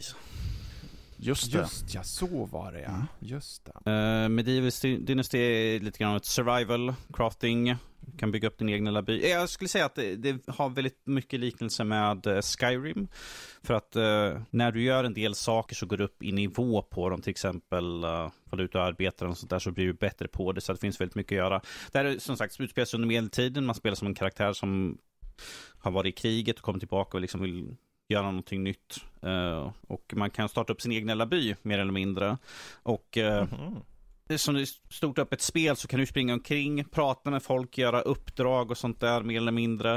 Uh, det finns så mycket att göra, så jag, det har varit svårt liksom, att försöka hålla mig liksom, till en sak att göra i spelet. För att jag har, jag har sprungit runt och gjort så många olika saker. Ja, men nu, mm. ja, men jag ska ut och plocka lite växter, typ en timme sen. Jag bara, jag kanske har tillräckligt växter så jag kanske gå tillbaka. Jag behöver lite ved, står och ham hamrar, äh, hackar på ett träd i typ tre kvart och sånt där. Så, men det ju, finns ju väldigt mycket olika saker att göra, vilket eh, jag struntade totalt i vad storyline var. Liksom. Jag bara, nej men jag ska ut och samla, jag ska bygga. Jag frågar alla, alla i byn och sånt där, hjälper till och allt sånt där. Så det är ett väldigt öppet spel med hur du kan göra saker egentligen. Du kan ju följa mm. storyline om du så vill och faktiskt bygga upp. Där ska, eller så kan du liksom bara springa runt och göra allt annat. Det är väldigt underhållande. Inte, kanske, jag tycker kanske inte var det snyggaste, men att det, det hör inte till. För att det är ju den här uh, gå och samla på dig saker, gå och prata med folket mm. runt i byn, lära känna dem och sånt där. Men är det så här top-down eller nej, är det nej, första person? Nej, det är första person. Jaha, okej. Okay. Um, så att, uh, hade det varit top-down då kanske jag hade varit lite mer så, mm, nej, nej, kanske inte. Men att uh, survival, plocka saker, hitta vad du behöver, uppgradera. Mm. Väldigt mycket sånt. Gå till affären ifall du saknar någonting att köpa eller sälja saker. Men kan man som i Conan Exiles klättra upp i taket näck? Uh, nej, det kan du tyvärr inte. Du kan inte häng, ja. hänga där och svinga med uh, dina kropps, kroppsdelar. Så det, det är allt du kommer någonsin, ifall någon frågar om Conan Exiles, så du bara klättrar upp i taket och dinglar liksom med saker och ting. Ja. Ja, ja. Hade du det? Jag kommer inte ihåg ifall du hade som screenshot i recensionen och sådär. Eh, kanske att jag var i taket, men jag kommer inte ihåg, jag var inte så explicit att jag kanske zoomade in riktigt så. Om vi säger så. Ja. Men, uh, good times, good, good times. Good times indeed. Mer hat. Oh, hat, hat, hat. Ja, oh, nej, vi, hatar, vi hade mycket hat förut. Oh, vi, vi hatar att du hänger i taken. Oh. Men inte så mycket hat för Bra. Medieval Dynasty. Det var faktiskt rätt kul att springa omkring och, och leka runt in. Mm. Ja, inte så här superöppen värld, men att du har ett stort, jävligt Precis. mycket område att röra runt så. Vad kul ändå att det finns sådana här små guldkorn på Game Pass. Mm. Har du inte koll på det? Ja, ifall inte, jag, ifall inte jag hade liksom fått det på Game Pass Roulette så hade, jag aldrig, så hade det varit liksom så här Medieval Dynasty, äh men det är väl typ något RTS eller något sånt där skit, så jag ja, skippade precis. totalt sådär. Medeltida, usch vad tråkigt. Uschan börsan. Ja, precis. Ja, ja, men då så. Jag kan hoppa in här lite snabbt då. För jag körde ju, jag fick ju till med Warhammer 40K, alltså Battle Sector heter det. Och först var jag såhär, men vad, som alla ja ett Warhammer, man går runt och så hugger man ihjäl folk och så. De ska låta tufft och det är ultramacho. Och det är ju det, men det var i turbaserat XCOM-upplägg visade det sig. Mm. Eh, fast med lite story och vilken ljudbild. Alltså det, jag, jag kan tycka vad jag vill om, om eh, kanske just den här typen av spel och allt det där. Men gud vilken ljudbild det har. De har så här nästan arias, så här, vad heter det? Du vet så här riktigt fin uh, operettliknande, mm. bara när du är in game. Okay. Oh, jag bara Jesus Christ! Och det var bara ljudet och musiken liksom. Men det ser väldigt bra ut, det är så här klassiskt att du har liksom, du kör ju som de här, eh, vad heter de, Space Marines, mm. eller vad heter det? Ja. ja. Och du liksom egentligen ska bara slåss mot de här förvä förväxta jävla eh, insekterna, tyrannids eller vad de heter. Mm. Och det är egentligen det. det. Det finns ju inte så mycket till story egentligen. För ah, om vi ska vara sådana så Warhammer och story är inget som riktigt går ihop för mig. Det är så här, det är ett skäl för att du ska döda saker i regel. I alla fall i spel som, som de här. Och det dödas på väldigt bra, det är väldigt slafsigt. Det liksom, i, om jag har en blodhetsskala så är det nog en 8,5 av 10 faktiskt. Uh, för när de liksom står på håll, okej okay, där kommer sådana här Tyranids insekter borta, så säger du till dina gubbar liksom, ja men skjut på dem där, välj vilket vapen du ska skjuta med. Du kan ha en gubbe som hoppar upp och bara skjut ner mot marken, bara spränger isär dem. Så det är insektsdelar över halva kartan och blod och gojs liksom. Och mycket hat också, väldigt mycket hat där också. Det är så mycket hat i det här spelet. De hatar de där Tyranids. Egentligen är det så här, det här, hela den här Warhammer, det är ju bara så extrem diktator-simulator egentligen. För det, allt du gör är bara, det, det enda de vet är krig. Och när de inte vet om krig, då funderar de när nästa krig är. Och sen hatar de mycket mer också. Ja. Men jag tyckte det var väldigt bra, alltså jag, visst, det är inte min kopp av te så här. jag har blivit lite så här med åren så här, ah, jag vet inte om jag har det är märkligt, för jag gillar ju Civ när det är turbaserat. Mm. Men det är ju så här, där kan jag gå fokus på andra. Jag vill ju bygga så här hus och, och teknologier och sånt. Jag, det sista jag gör är att strida i Civ. Mm. Uh, men här är ju allt strid, så då tappar det mig lite. Men bara för det är så, det är ju ett personligt plan. Som spel så var det väldigt välgjort. Jag var nästan så här förvånad, varför pratar ingen om det här spelet? Mm. Varför ligger det här bara rakt ut på Game Pass? Det släpptes i fjol bara. Jaså? Okej. Okay. Som, förra sommaren släpptes det, det är splitternytt egentligen. Huh. Och där har de det välgjort och låter som fan bra. Skotten på deras jävla så här repeater guns eller vad det heter, bara... Mm. Jättesnyggt. Ja, för Warhammer 40,000 Battle Sector, där har ni det. Uh, men vi kan väl hoppa över till uh, den cyklande malmen här. Ja. Hur, Descendar du ner i helvetet eller descendar du upp till himlen? Uh, man kan inte descenda upp till himlen, då ascendar man Fredrik. Det beror på. Jaså. För om du anser att himlen egentligen är helvetet. Ja, det är sant i och för sig, men ja.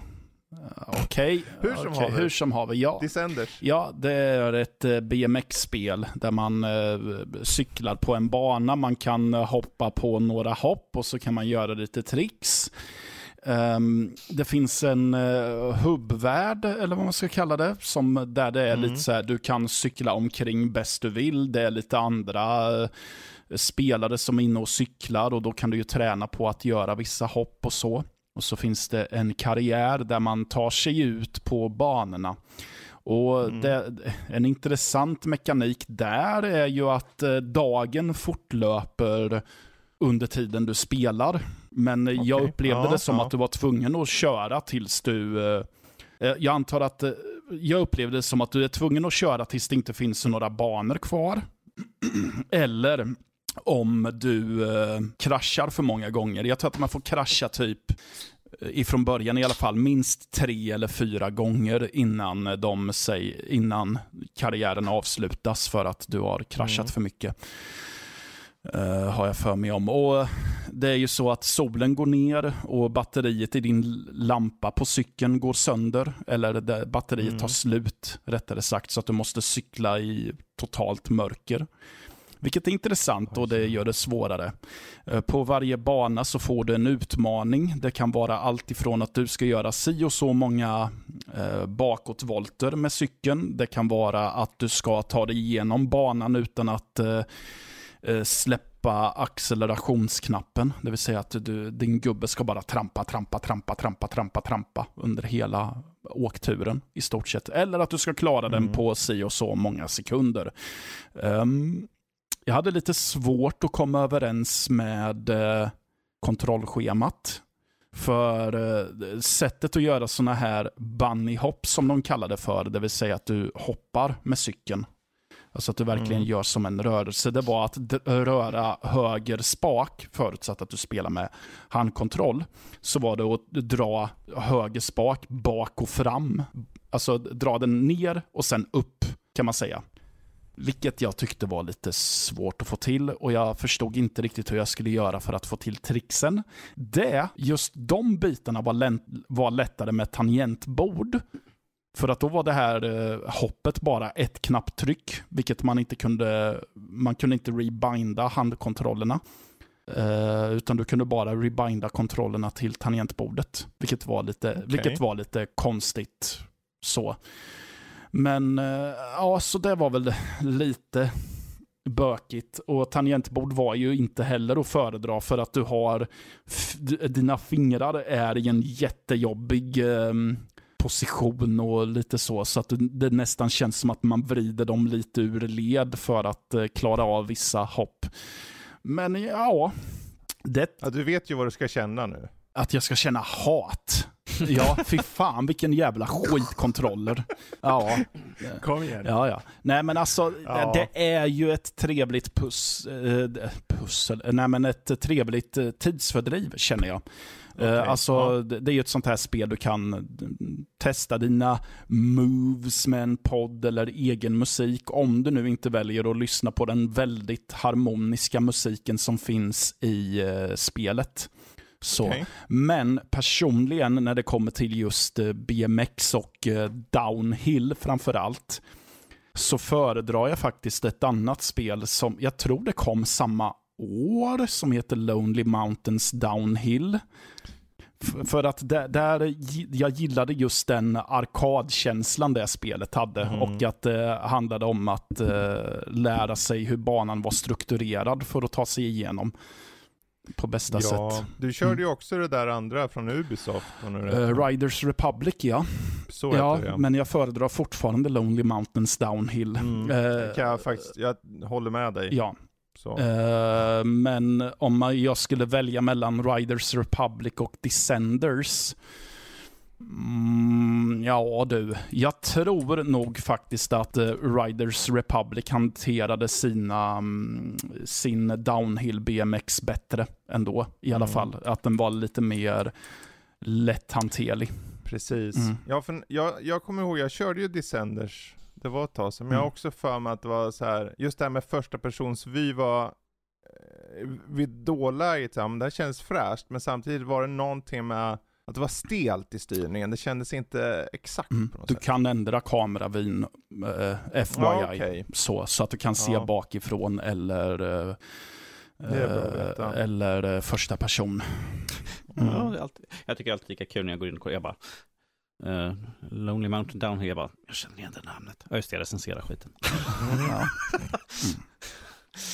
Ja, men uh, då så, Descender. Så nu har vi ju fler spel till nästa gång där. Mm -hmm. och glöm inte bort, vi känner hat. Vi känner hat, fy fan. Vi känner det kan brinna i helvetet det där jävla Descenders. Ja.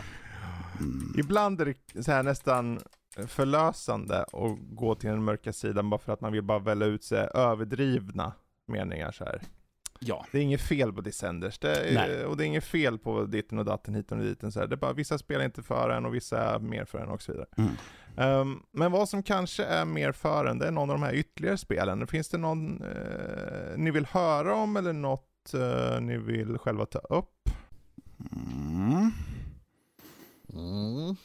Ja, jag skulle väl kunna riva av The Quarry i så fall, även om jag pratade lite om det förra veckan.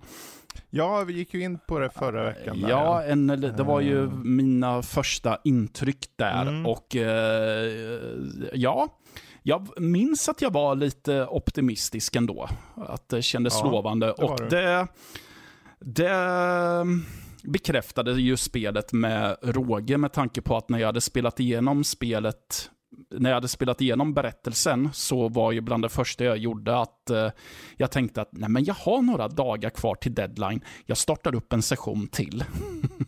Mm. och eh, för bara någon dag sedan nu så har jag startat upp en tredje omgång Jaha. igen. Så ja, eh, nej men jag tycker ju att det här är eh, Supermassives bästa spel hittills, för att allting känns så finslipat här. Jag känner mm. att det är det här de har velat uppnå med eh, sina tidigare spel. Och, mm. och nyckeln till det hela är att de har, jag antar att några tycker att man har förenklat de här quicktime-eventsen på ett dåligt sätt. Jag tycker att nej, ni har förbättrat dem. För att det, det är inte... Vill man inte ha så lite quicktime som möjligt? Jo, man vill ju det. Och då har de ju valt eh, att gå vägen att det är nästintill alltid samma knappar du trycker in. Sitter du med en, ah. sitter du med en Playstation-kontroller så är det nästan mm. alltid eh, eh, ringknappen och en mm. riktning med antingen styrkorset eller styrspaken okay. som du ska mm. trycka in. Uh, använd styrkorset är min rekommendation. För då, är, då blir inmatningen mer precis. För jag kunde irritera mig på att eh, ibland när man förde spaken till exempel åt vänster så kunde den fortfarande registreras som mm. att nej men du drog ju ner spaken. Så. Nej, men, och de är ganska sparsmakade med quicktimes. Det är inte så att minsta lilla grej som karaktären gör kräver ett quicktime-event, utan så. Jag ska gå igenom den här dörren. Ja, ex ja, dött, dött, dött. Ja, men exakt så. De, de, kryss, de håller det till, ner. de håller det till att om du måste, om du ska fånga någonting eller om, du, om karaktären ska ha, göra ett hopp eller om den ska göra en tvär kur, kurva, där kommer quicktime-eventsen in. Lite så. Och sen har de ju de här button mash grejerna, att du ska spamma en knapp som oftast är kryss. Uh, och de kommer också väldigt sparsmakat omkring. Så ja, det känns som att de har tagit till sig av vad folk har kritiserat innan. Mm. Och det jag gillar mest är ju egentligen hur de har skrivit sina karaktärer. För jag kan sitta och vara till en början irriterad på vissa klichékaraktärer. Men sen så kommer det fram sen i dialogscener och lite senare att ja, men det finns ett djup till den här kar karaktären. Alltså alla är tredimensionellt eh, skrivna. Och de, de, har även gjort så med, eh, med karaktärer som är eh, lite mer antagonister, att du liksom får reda på varför de ha, agerar som de gör och vad deras agenda är hela tiden. Mm. Så att det, det, verkligen gör att du får brottas lite moraliskt om vilken sida du står på. Uh, men som sagt, det är ju en det är ju en sån här sommarlägersskräck som jag beskrev i förra veckan. Vi styr ett gäng lägerledare och eh, otäcka saker börjar ske det är blodtörstiga varelser som börjar härja. Lutar de in i superövernaturligt? De lutar, in, de lutar in helt och hållet i det övernaturliga. Åh, vad skönt. Gör de. Äntligen. Ja. Äntligen. Precis. Va? Eh, är det inte bara en gas som har spritts på ett skepp och gjort dem tokiga? Nej, nej, verkligen inte. Alltså, och det är lite så att, karaktär, att vissa karaktärer försöker, så är det, ja men det kanske är något rationellt, men sen så får de tillräckligt mycket bevis emot sig och så blir det typ, nej okej, det här är övernaturligt. Mm. Ungefär. Så ja, de lutar in i att det här är övernaturligt. Ja, så, ja men kul att höra. Ja, ja, men jag tycker det. Så jag, jag tycker att det är ett superstabilt spel. Det som är lite tråkigt, det är väl att jag känner att just det här sättet som du... Jag skulle vilja se en utveckling på det här, hur du formar karaktärerna. Att du kanske kan mm. påverka hur, hur um, hur resterande karaktärer interagerar med den du har styrt med, även i de mm. mellansekvenserna du inte styr någonting. Att du liksom kan påverka gruppsämjan på så sätt. Eller att man mm. påverkar att, ja men nu i den här sekvensen så är inte den här karaktären med för att han går och gör något annat, eller hon. Förutom då att döda dem förvisso, för det, det, mm. det är ju ett ganska smidigt sätt att liksom... Nej, nej, nej. Vi måste följa temat här, Matt. Vi måste ju att, att gruppen hatar varandra. Ja, jo, det, alltså det kan du ju göra också, så. ja. Jag tycker det är kul att, mm. att du säger att de, går, att de går verkligen in på övernaturligt. För Until Dawn, som det här är egentligen en spirituell uppföljare för The Dark ja. Horror Picture Anthology, är ju liksom, har ju ingenting med det här att göra, utan den mm. här är ju en, en spirituell uppföljare till Until Dawn. Och där hade du ju början av spelet, då är det liksom så här, nej men det är en som tänker hämnas och ja. låtsas att det är hemska saker. Och sen visar det sig att, nej men förresten, det finns något övernaturligt, medan mm. det här mm. är mer åt det hållet. Precis. Än vad Dark Horror Picture Ontology från, ja, ja, kanske inte har gått så hårt på det övernaturliga, utan det är mer så här andra saker som finns runt omkring. Ja men precis, nej men det är väldigt skönt tycker jag. Och sen så är det också så är det ju väldigt bra skådespelarinsatser med. Det är ju spännande att man pratar om det i ett spel egentligen. Mm. Men de har ju bra, de har en bra ensemble där. Jag tycker att alla är väl castade. Liksom. Det, och det är väl lite uncanny valley-grejer i vissa ansiktsanimationer som det, när de mm. ska, när du får val så blir det ibland en närbild på deras ansikte och då kan de göra en väldigt ful grimas. Är det Uncanny Valley alla Arnold Schwarzenegger Terminator försöker le? Ja, men lite så typ. ja, mm. Ungefär. Ja, ja. Så, ja, men det, för mig är det en, en klart en rekommendation. Så. Mm. Mm. Och det har ju blivit mitt mål nu tydligen att jag vill jaga rätt på nästintill vartenda slut och jag sitter ju hela tiden och tänker, men om jag gör si och så med den karaktären, hur kommer det påverka det här? Mm. Och så. Mm. Det är bra när man leds av nyfikenheten där liksom. Ja, men precis. Eh, bra. Jag tänker, vi ser här, vi har ju Teenage Mutant Ninja Turtles med igen och det var kul, att komma tillbaka till den lite nu. Eh, vi pratade ju om den en hel del förra veckan, men om vi går tillbaka till den, för jag är nyfiken på Danny då. Eh, du skrev ju om den och yes. nu har du fått lite distans kanske. Vad, vad, känner du om spelet? Alltså, jag gav det här spelet ett bra köp för att eh, ta verkligen och leka med den klassiska brawlern eh, konceptet och om man tittar på till exempel föregångaren till jag spelade Turtles in Time eh, till exempel så följer den exakt samma stil. Det är old school, det är pixelerat. Du kan köra igenom spelet bara button masha men att det saknas lite finess då och in, när man startar upp spelet så får man ett som introduktionsklipp där den visar upp här är alla rörelser du kan ha under spelet. Så att du kan ju lära dig att spela spelet effektivare för lärare. Dodga rätt, dubbelhoppa, gör en, uh, en specialhoppattack för att kunna ta ut de flygande fina som var hemskt irriterande som jag hade som stort minne. Mm, det är så oförlåtande ja. ibland när det, till exempel på banan så är, uh, tror jag, tionde, elfte banan och sånt där så är det Uh, uh, Baxter Stockman som är boss, han är ju en flugig ja, gubben och han flyger ju upp i luften så att mm. man måste typ mer eller mindre slå ner honom på backen Precis. för att kunna slå honom. Och ibland, eh, som sagt, det är ibland väldigt svårt att träffa. Man bara, men vanligtvis när jag hoppar upp och slår de här så kan jag träffa dem fast de är kanske högre eller längre ner. Men att, ibland ja. så är det liksom att, ja men jag träffar inte den här fast det känns som att jag är korrekt i luften. Det mm. är lite, ja, men så har det alltid varit. Viss, vissa av fienderna flyger ju också så pass lågt så att jag tycker att ja, men jag borde träffa den här med att bara göra ett vanligt mm. slag. Ja. Jo. Också, men nej, du måste hoppa. Mm. Nej, mm. alltså jag, jag tycker det, det, är ett, ett bra modernt spel i en klassisk tappning och brawlers eh, tycker jag att vi ser inte så jäkla ofta. Um, jag menar, som jag sa, liksom att storylinen är ju inte det viktigaste i ett brawlerspel. Uh, Double Dragon är liksom, åh nej, min brors uh, flickvän har blivit kidnappad. Ja, men måste springa genom hela stan och slå, slå ner varenda en. Det är storylinen i det här spelet egentligen. Ja. Street of Rage. Och det är andra gäng som kommer, vi måste slå ner dem för att hålla vårt, kort vårt territorium. Det är storylinen. så det är ju väldigt Men som sagt, eh, jag skrev att det känns ju som att eh, storyn som är under spelet, det är mer eller mindre ett av de gamla tecknade avsnitten. Liksom så, åh mm. oh, nej, Shredder och de har kommit tillbaka, de ska göra någonting med, med Frihetsgudinnan det är liksom, det är den storyn. Precis. Du jagar efter uh, Rocksteady och Bebop som samlar ihop Cranks uh, robot, uh, robotdelar liksom mer eller mindre under hela, mm. under hela resan. Mm. man bara, ja. ja.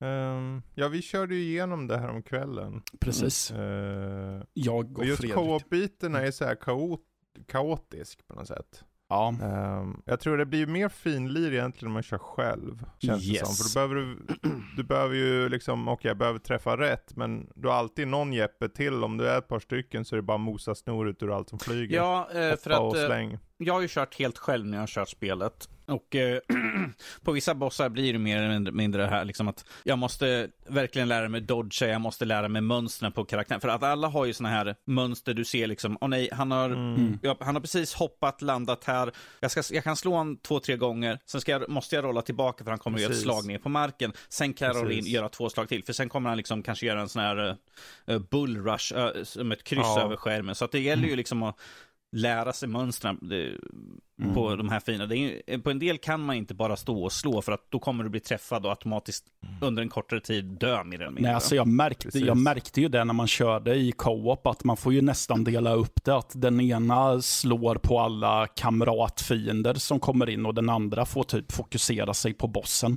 Mm. I stort sett. För att mm. eh, gick man båda två och skulle slå på samma så var det väldigt lätt att eh, man blandade ihop. Men vilken sprite var min nu igen? och så. Mm. Och, och, ja, och så... Jag törs inte tänka hur det är att köra upp till sex Nej, och så, så, så, var det ju framförallt när man körde på banorna i sig så var det vid vissa tillfällen när det är väldigt mycket, det, det, det är du och din kamrat eller kamrater. Och så är det en fiender på det också, så var det ibland, mm. jag kunde ju komma på mig själv att jaha, jag har stått och slått i den där väggen för att jag trodde att jag var Fredrik tydligen. och då börjar jag säga att jag körde som den där råttan och du körde som en sköldpadda. Ja. Mm. Men äh, även jag så här, men vänta vart är jag nu? Nej men det där är ju inte jag. Mm. Hur kan jag glömma bort att jag är liksom splinter? Mm. Men men. Ja, men. Um, ja. Nej men det är ett solitt spel. Ja, jag tycker det med. Uh, jag, jag, känner mig nog ganska mätt kända efter jag kört. Det blir så här, ja det är en brawler, klassisk brawler, mm. precis som du säger Dan nu. Mm. Men det är också så här, jag tror, om, för att gilla brawler så måste du genuint gilla, för det, det, det jag tror det som det här spelet vinner på, att den i varje bana har någonting humoristiskt. Mm -hmm. Så att det lättar upp uh, stämningen bra. Eh, det är alltid någon foot soldier som står med Gameboys eller läser en tidning eller kommer och beställt mat eller vad fan det är. Står liksom. och äter varsin glass. ligger, ja. ligger och solar. Precis, ja. och det där ger lite så här, det, ja, men det är en kul touch. Ja. Så på det sättet får, får det mig att gå vidare. Men överlag så blir jag så här, man gör egentligen inte så mycket skillnad. Du går ju bara mosa snoret ur saker. Mm. Och visst, du, det finns i, i rent kontrollmässigt finns det variation, men behöver du det i slutändan?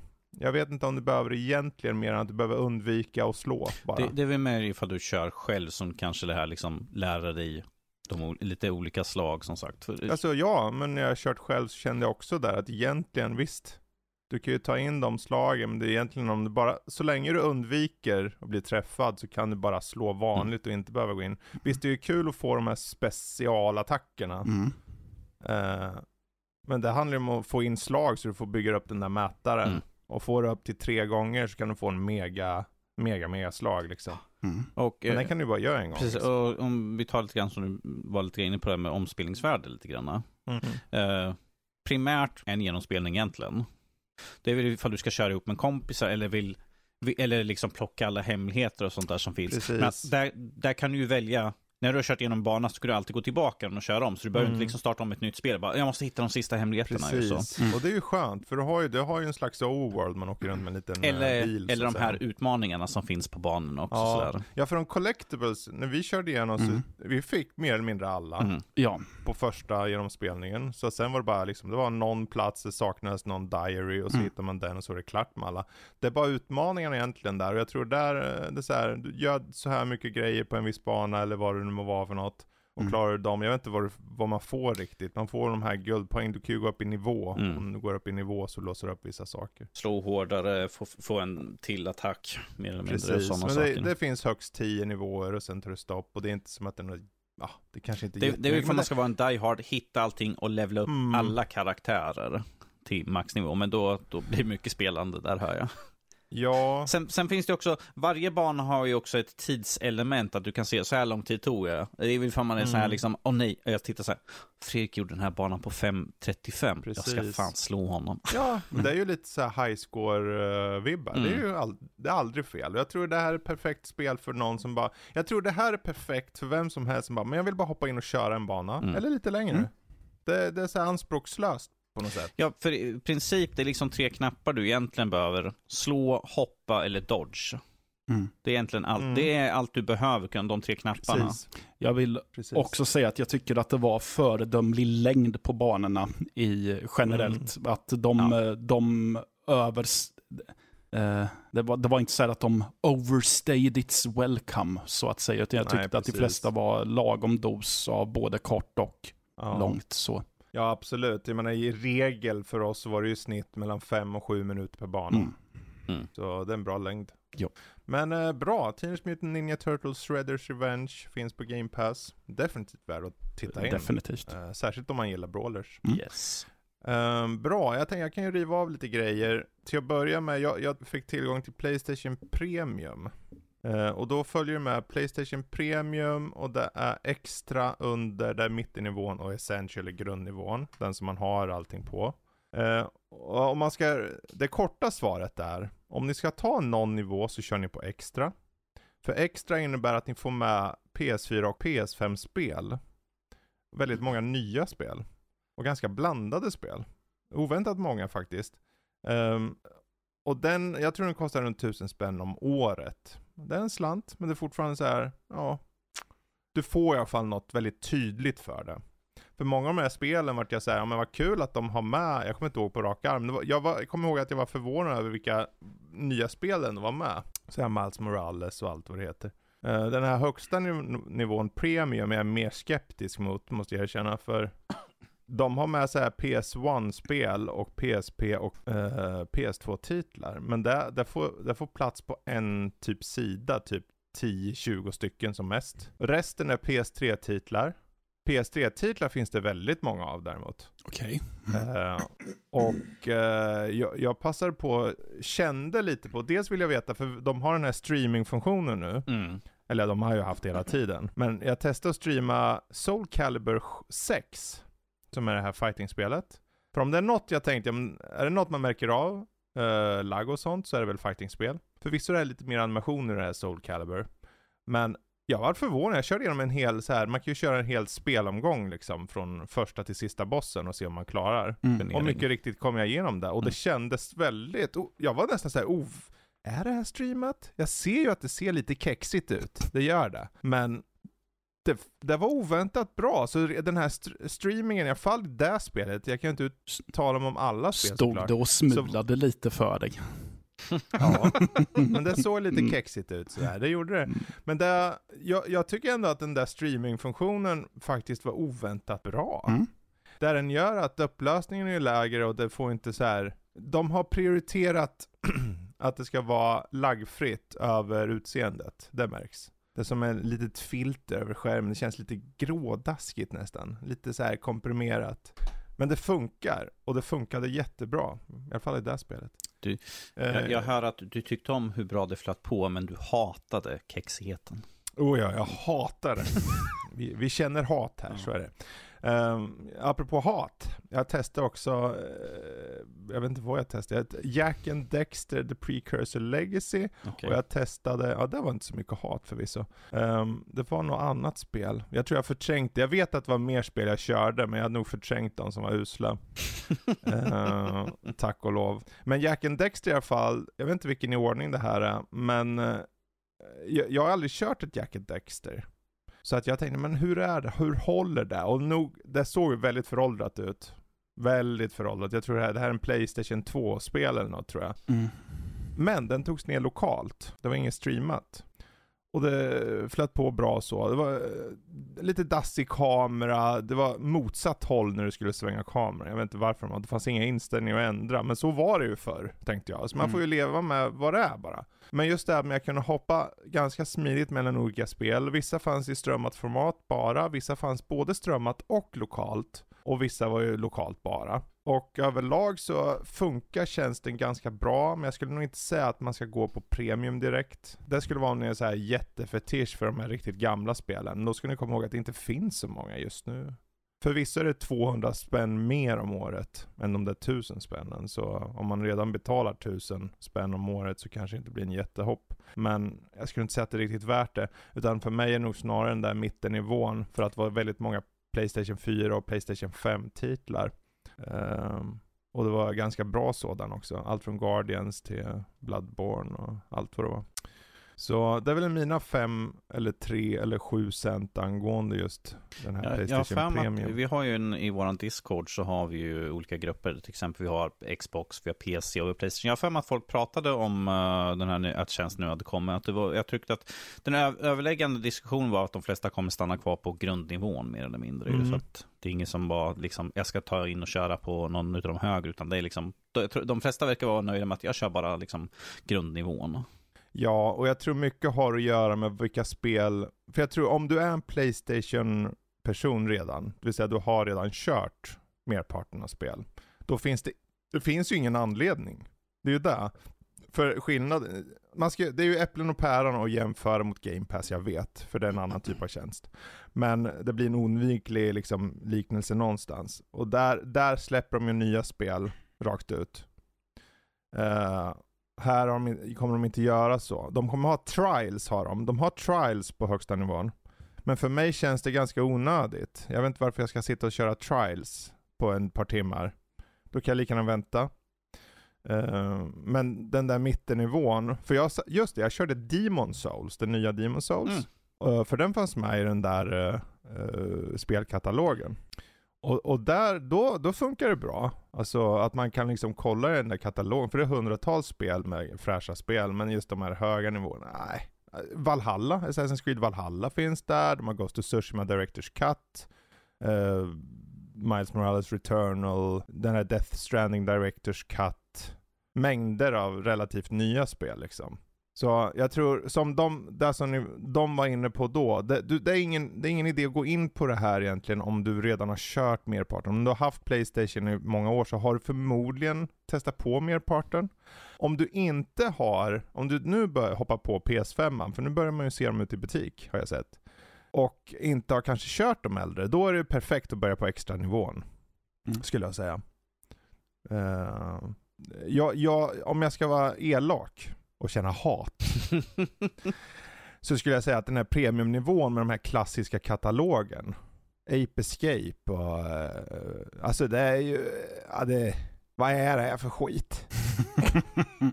vad är det? Det var så mycket. Jag tog ner något spel jag tror det var ett Playstation 3-spel, hette Alien Rage. Jag tänkte det här är något top-down twin stick shooter. Det visade sig vara ett första personspel ja. som jag aldrig hört talas om. Jag tänkte, va? Okej, okay. och sen kollade jag vidare. Det finns så mycket skräp som låg där, som de hade i sin klassiska katalog. Och jag bara, eller jag, jag säger skräp inom situationstecken. Någon kanske säger, men um, Alien Rage var faktiskt det bästa som någonsin har gjorts. Jag har aldrig hört talas om det, men det var det bästa. uh, mm. Men ändå, G-Force. Disneys G-Force. Hamstrar som springer runt. Där känner jag hat. Känner du hat mot hamstrar alltså? I alla fall de, de hamstrarna i, i spelet GeForce. Jag funderar på... Och de har Frogger, Frogger Returns har de. Nej, men, Ska jag betala för klassisk katalog för Frogger Returns? Ja, men va, ja, Frogger eh, ska väl återkomma. Nej, men... Eller varför inte det här eminenta spelet Greg Hastings Paintball 2? Men vad fan gör man ett paintball-spel för? det, det, är sådana, alltså men det, det, här, det, här, det här är deras klassiska katalog det, och då, de har inte gått i, de har inte kurerat det här. Mm. De har bara, vad har vi som inte, har, som inte kostar oss mm. något? Släng in skiten bara. In med allt. Jag tänkte på det här paintball-spelet, jag kommer att tänka på uh, Kommer ni ihåg ett spel som hette Nerf Arena? Som var basically ja. Quake 3 Arena eller Unreal Tournament ja, fast det. med Nerf-pistoler istället. Ja. Där jag vet att jag redan då tänkte, men varför ska jag spela det här när jag kan spela ett spel med riktiga vapen istället? Precis, mm. precis. Ja. Ja, nu känner jag ju för mycket hat, jag ska försöka vända på det. mm. De har ju Ratchet and Clank-spelen, mm. de har Red, Red, uh, vad heter Red Dead Redemption, första spelen där. Mm. Och Eh, Code Veronica, om det är bra, det vet jag inte. Umbrella Chronicles har de här, den måste jag, det är något nytt fint spel, det har jag hört talas om, det har jag bara hört gott om. Den måste jag testa. Uh, mängder av saker har de. Mm. Så det får vara med det. Men uh, ja, jag vet inte, har ni någon fråga på det eller? Tänkte jag säga. Ja, nej, inte nej. direkt. Mm. Bra, bra, bra. Mm. Men uh, apropå hat. -hmm. Hur känner angående Phobia? Sankt Dinifra Hotel. Är det hat eller kärlek än så länge? Um, ja, du. Vad fan är det för något? Uh, ja, hur ska jag beskriva? Det är ett mysteriespel uh, ur första person. Uh, där vi är en amatörjournalist som åker till här Sankt hur man nu än ska uttala det, hotellet, jag vet inte, Sankt Fina hotell. För att mm. undersöka om, där det går rykten om att mystiska saker händer, folk har försvunnit, etc. etc. Alla sådana här typiska, lite generiska, ja men jag ser en liten flicka i en mask och folk har försvunnit under mystiska omständigheter. Så, så, så vi är som sagt en amatörreporter som åker dit. Um, där vi helt plötsligt vaknar upp i vårt hotellrum och vårt hotell är rannsakat. Mm -hmm. det, uh, när vi väl kommer ut ur rummet så brinner saker runt omkring. Det ser ut som hotellet har levt igenom sju svåra år. Eh, eh, helt övergivet. Eh, och eh, man undrar vad tusan är det som pågår. Är det en 1408 eh. i spelform månne? Nästintill. Ja, Om okay. vi säger så här. Mm. Eh, när jag såg trailern inför det här spelet, så det första jag tänkte var liksom, ja men det är en Resident Evil-klon. Okej. Okay. För mm. att det känns väldigt mycket så. Inventory är precis likadant. Du börjar med en viss mängd, du kan hitta små väskor eller sånt där som gör att du får mer utrymme, du kan bära på dig mer saker. Mm. Det är liksom mm. att du kan ta, du klickar på ett objekt så kommer det upp liksom så här, flytta runt här eller liksom kombinera med någonting. Så det är väldigt, väldigt Resident Evil uh, över det hela. Okay. Jag bara, ja, ja okej. Okay. Men, var, var, varför inte? Men är det alltså strider och grejer i det också, eller vad? Yes, okay. uh, men, men att det är väldigt mycket management, att liksom du har begränsat antal med uh, ammunition, uh, läkande, läkande grejer och sånt där. Mm. Så det är väldigt mycket, liksom, leta runt överallt, hitta, le det är väldigt mycket pussel och sånt där för att ta sig runt. Okay. I första biten så letar man runt efter, ja men, ja, men det här är en låst dörr, okej, okay. jag verkar behöva liksom en, en, en, vad heter det, sån här kort det är en kortläsare, ja jag måste ha ett kort liksom så här. Ja men jag hittar kortet bara. Jaha, jag måste tydligen ha en kod också. Ja men då måste jag gå omkring och leta i hotellet efter typ en lapp eller se någonting skrivet på en vägg eller något sånt där. Så det är mm. väldigt mycket håll koll på din omgivning och mm. leta mm. överallt för att du vet inte när du kan behöva saker. Mm. Men, typ, och spara äh, på allt gissar jag på då också. Ja, jo, precis. Mm. ja. Eh, spara på allt som man har. Plus att utöver Resident Evil så har det ju lite grann av den här, uh, oh vad hette de? Jag gjorde ju recension på en, en, en förbättrad utgåva. Du vet man springer omkring med en kamera, kamera obscura. Det är ett Jap det är japanskt uh, spel. Är det fa Fatal se... Frame? Eller? Fatal Frame. Mm. Det har lite grann, för du har en kamera här och när du tittar genom kameran så kanske liksom hela rummet du står i kanske liksom, där till höger som en säng och till vänster om sig ett skrivbord. Jag tar upp kameran mm. och, ja men titta nu är det en staty som står till höger om mig istället och det, mm. istället för eh, en byrå eller något sånt där vid väggen så är det ett hål i väggen så jag kan ta mig igenom. Mm. Men det är inget skräckspel det här alltså, eller vad? Det här är ett skräckspel ja, för att okay. eh, väldigt ofta så ser man den här lilla flickan stå liksom. Eh, eh, det var i början på spelet så klev jag ner för en trapp mm. och det har ju liksom pelare som är mellan, eh, med typ två meters avstånd emellan på trappen. Och jag mm. ser liksom den lilla flickan, står en liten flicka med en eh, sån här ansiktsmask på sig. Och liksom jag bara, okej, okay, tittar på henne och försöker gå runt, liksom se if jag kan smyga på den. Precis när de kommer bakom en stolpe så tittar jag ut på andra, då är hon borta. Eh, det finns en annan gång då jag tittar ner genom en lång korridor och ser mm. det brinner längst borta och då ser jag liksom skuggan av henne. Så jag går, rör mig fram, jag bara, det är ingenting som är i vägen. Så jag, jag kan gå rakt emot den och se, jag tänkte jag vill se när hon försvinner. Mm. Precis innan jag kommer fram så trillar det ner som typ ett, eh, ett badkar som låg vid sidan av. Och jag, liksom, jag bara, okej, okay, men jag försöker smyga exakt med längs kanten av badkaret så jag kan se den hela tiden. Men att det är precis att det är på pixeln man, när man går runt det så är det som en grej som står precis framför. Mm. Och man missar, det är precis så att hon kommer ur bild på pixeln. Och tittar man runt, kommer runt hörnet man bara, ah, hon är borta. okay, det, är, ja. det, är, väldigt sådana här klassiska eh, mm. skräcktropes i spelet. Så, och som sagt, eh, Resident Evil-vibbarna är, är väldigt tydliga. Mm. Ja, det enda jag just nu har riktigt att beklaga på är kontrollerna. Att det är väldigt seg styrning. Jag, eh, jag har fått höjt upp känsligheten på när man vrider på sig. Mm. Eh, från 1.0 till 2. Jag funderar på att höja det ännu mer. För att det är väldigt slött och karaktären rör sig liksom väldigt långsamt när man ska vrida på så när han rör sig runt. Mm. Det är typ där jag har just nu det största problemet med. Men annars är alltså, det en bra stämning sådär. Det är inte det, är inte det snyggaste spelet, så, men att mm. eh, vad det gör, gör det bra tycker jag än så länge. Ja, ja men skönt. Alltså det låter som att det ändå båda gott en aning i alla fall. Ja, alltså mm. det, det är ny, skön, intressant story blandat med liksom saker jag redan har sett förr från större spel. Så att det är ju väldigt ja. mycket att den plockar från större spel inom skräckgenren av FPS. Ja, okej. Okay. Mm. Ja, men jag antar att det kommer komma en recension på det här, eller? Det kommer en recension i nästa vecka. Spelet ja. släpps ju nu den 27, tror jag det var. Ja. Så på, vad blir det, måndag. Mm. Måndag släpps spelet. Mm. Jag kommer komma någon gång i nästa vecka kommer min recension komma ut. Mm. Mm. Ja. Ja, Phobia alltså. Mm. Uh, fin det fin ifall man vill henne. testa på det så finns det demo på Steam. Jag kör på Xbox. Mm. Ah, okay. Men på Steam finns, vet jag att det finns demo i alla fall. Mm. Okej, okay. ja men då det är bara att spana in då om man är nyfiken. Mm. Precis. Ja. Matte, har du kört något ro mer roligt? Ja, jag har inte spelat så mycket mer. Däremot så har jag ju sett på... Jag, jag fick för mig om att se på ganska mycket film nyligen.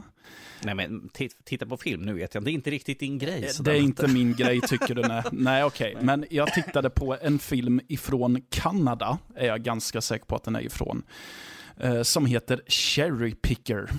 Och den handlar om ett eh, gammalt eh, hockeyproffs som dels har varit i ganska mycket blåsväder, bland annat för att när filmen börjar så ser man hur han mosar skiten ur en av sina motspelare. Alltså han slår ut ett av hans ögon så att det rullar ut på isen bland annat. Nej, men, ja. men sen i alla fall, så när han har eh, lagt det där bakom sig och ska starta upp livet på nytt så träffar han en kvinna som han faller pladask för. Och eh, han bestämmer sig för att starta ett liv med henne och hon har eh, tre, tre eller fyra stycken döttrar. Eh, som är eh, ganska unga. Och de döttrarna råkar vid ett tillfälle hitta hans telefon där det finns en stygg video på den hockeyspelare och deras mamma där de har lite skoj i sänghalmen.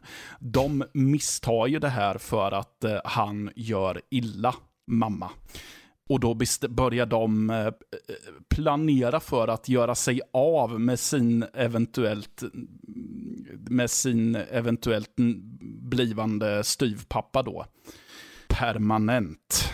Mm. Ja, det är, en, det är en väldigt rolig film den här, för den lutar väldigt mycket in i just den här absurda tanken med om eh, små flickor skulle eh, ha det i sig att liksom mörda någon.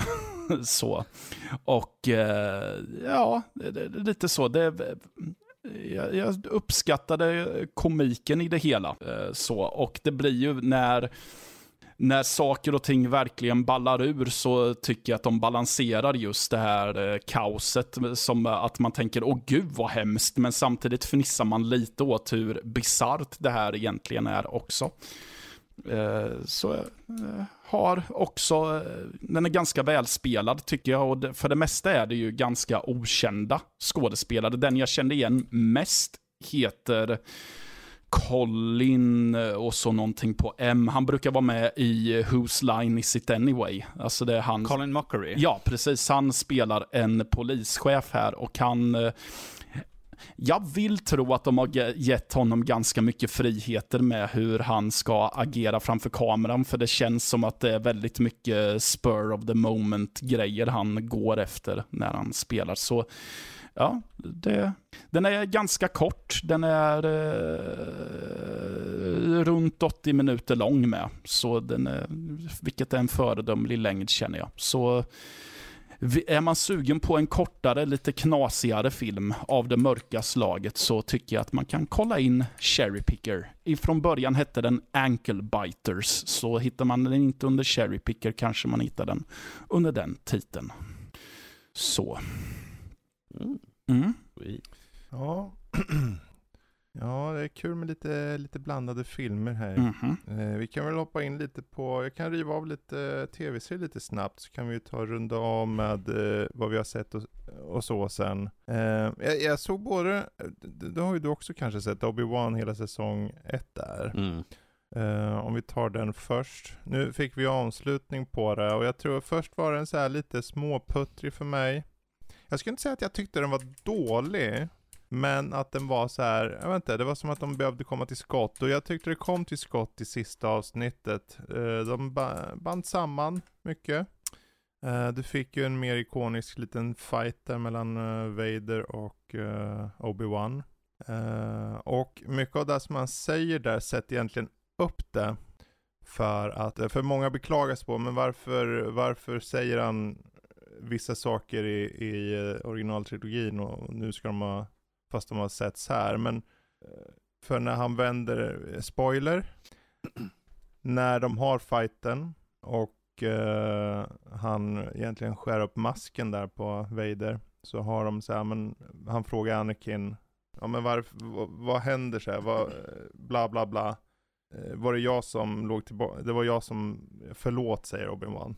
Men och, Vader då säger, men du behöver inte säga förlåt, det var jag som dödade Anakin Skywalker, han är död. Det är bara jag som är kvar. Och, han, och Obi-Wan säger okej, okay, fine. Hej då Dart. Typ så, väldigt förkortat. Dartan. Dartanjang. Ja. Eh, fanns ju mer i dialogerna där såklart, men bara göra dem väldigt snabb. Och det, det, är ju en av aspekterna tycker jag, men de, de summerar upp det ganska bra. Jag tror att för mig hängde mycket på skådespeleriet hos McGregor där och uh, faktiskt på att Hayden Christensen, som de gjorde en slags flashback, du såg ju den också, mm. flashbacken de hade. Um, att de fyller ut det lite, att de försöker ge det mer av en tolkning. För man kan förstå så här, men varför, gör, varför, ser, varför väljer Darth Vader att gå efter honom och inte de här eh, rebellerna här eller vad? Men han är så förblindad av det här hatet. Liksom ännu mer hat. Så jävla mycket hat här. Men Darth Vader känner väldigt mycket hat. Och det, det, det liksom övervinner honom, det trumfar honom. Och sen så på något sätt så avslutas det egentligen med att okej, okay, nu, nu kommer han till och med försöka glömma hatet och gå vidare. Mm. Vi får se hur det blir med det. Men på det stora hela, jag tyckte det var en okej okay serie. Det var ju sex avsnitt. Uh, Ska det komma en säsong ja, två också eller vad? Tanken var egentligen inte det, det var ju en, en limited series mm. ursprungligen. Sen får vi se, den har ju fått relativt bra kritik. Uh, men det är svårt att säga, det behöver, folk behöver ju se den i så fall. De, går, de skiter ju vad för kritik, både bra och dålig, den, något får. Så länge folk ser den enormt mycket så, så kan den gå, säkert få fler säsonger. Men det är mm. tänkt att det inte ska få några fler. Jag har också hört att de här algoritmerna eh, om att eh, de, det får bra tittarsiffror kan vara att eh, si och så många bara har tittat en kvart på serien också. Mm. Uh, Hur kände du Daniel? Uh, alltså för överlag tycker jag serien är ganska, uh, för min egna del. Uh, jag skulle gärna vilja sett mer på dem. jag tycker, alltså, uh, Ewan McGregor är en väldigt bra skådespelare. Jag tycker att han, vi har, som sagt, vi har väntat väldigt länge för att se honom tillbaka som One. Men jag tycker att det fokuseras väldigt mycket på de andra och hans resa för att när han, i serien börjar så är liksom, han är svag i kraften, han har mer eller mindre gett upp den, känns det som, för han gör allt annat. Precis, och han verkar se... avskärmat sig från den. Och när vi kommer till sista delen, då är han liksom eh, efter en händelse är han helt plötsligt superstark. Men jag, jag saknar lite grann av att se mer. Vi fick en flashback, men att den gör inte någonting att... Det var kul att se, men att uh, det, de kunde ha gjort bättre jobb på kanske att föryngra dem. Det var liksom Hayden Christensen 40 plus, liksom, skulle vara en padawan. Mm. Men att, som sagt, det är petitesser. Men jag saknar liksom att se lite mer inre Uh, inre liksom känslor från Obi-Wan, liksom att jag, jag, är svag. Han, en gång han liksom försiktigt och försöker använda kraften. Det är typ det enda jag känner liksom att, ja men han är svag i kraften. Och sen helt plötsligt när han möter Third Sister så helt plötsligt skjuter han iväg över halv, en halvgård. Jag bara, var kom det ifrån? Uh, Sen tycker jag det är kul att de lånar från uh, Spindelmannen när han ligger nere i gropen. Han blir fast i en grop under sten. Och det kändes som Spindelmannen när han, uh, när uh, Vulture har typ slagit in honom. Där han liksom bara, åh jag måste ta, sen, hitta min inre styrka, tänk på dem jag älskar och sånt där. Mm. Det känns som att han tagit därifrån. samma sak med striden är ju från Rebels med Asoka när hon slår upp hans mask och ser Anarkin. Det är exakt samma händelse där, att man slår sönder masken och ser och in bara, Anarkin. Men att överlag tycker jag att det var väl en, en okej okay serie med att det fanns mycket jag tycker att som skulle kunna gjorts bättre. Alltså jag tycker det är kul att se Hayden Christian tillbaka i rollen.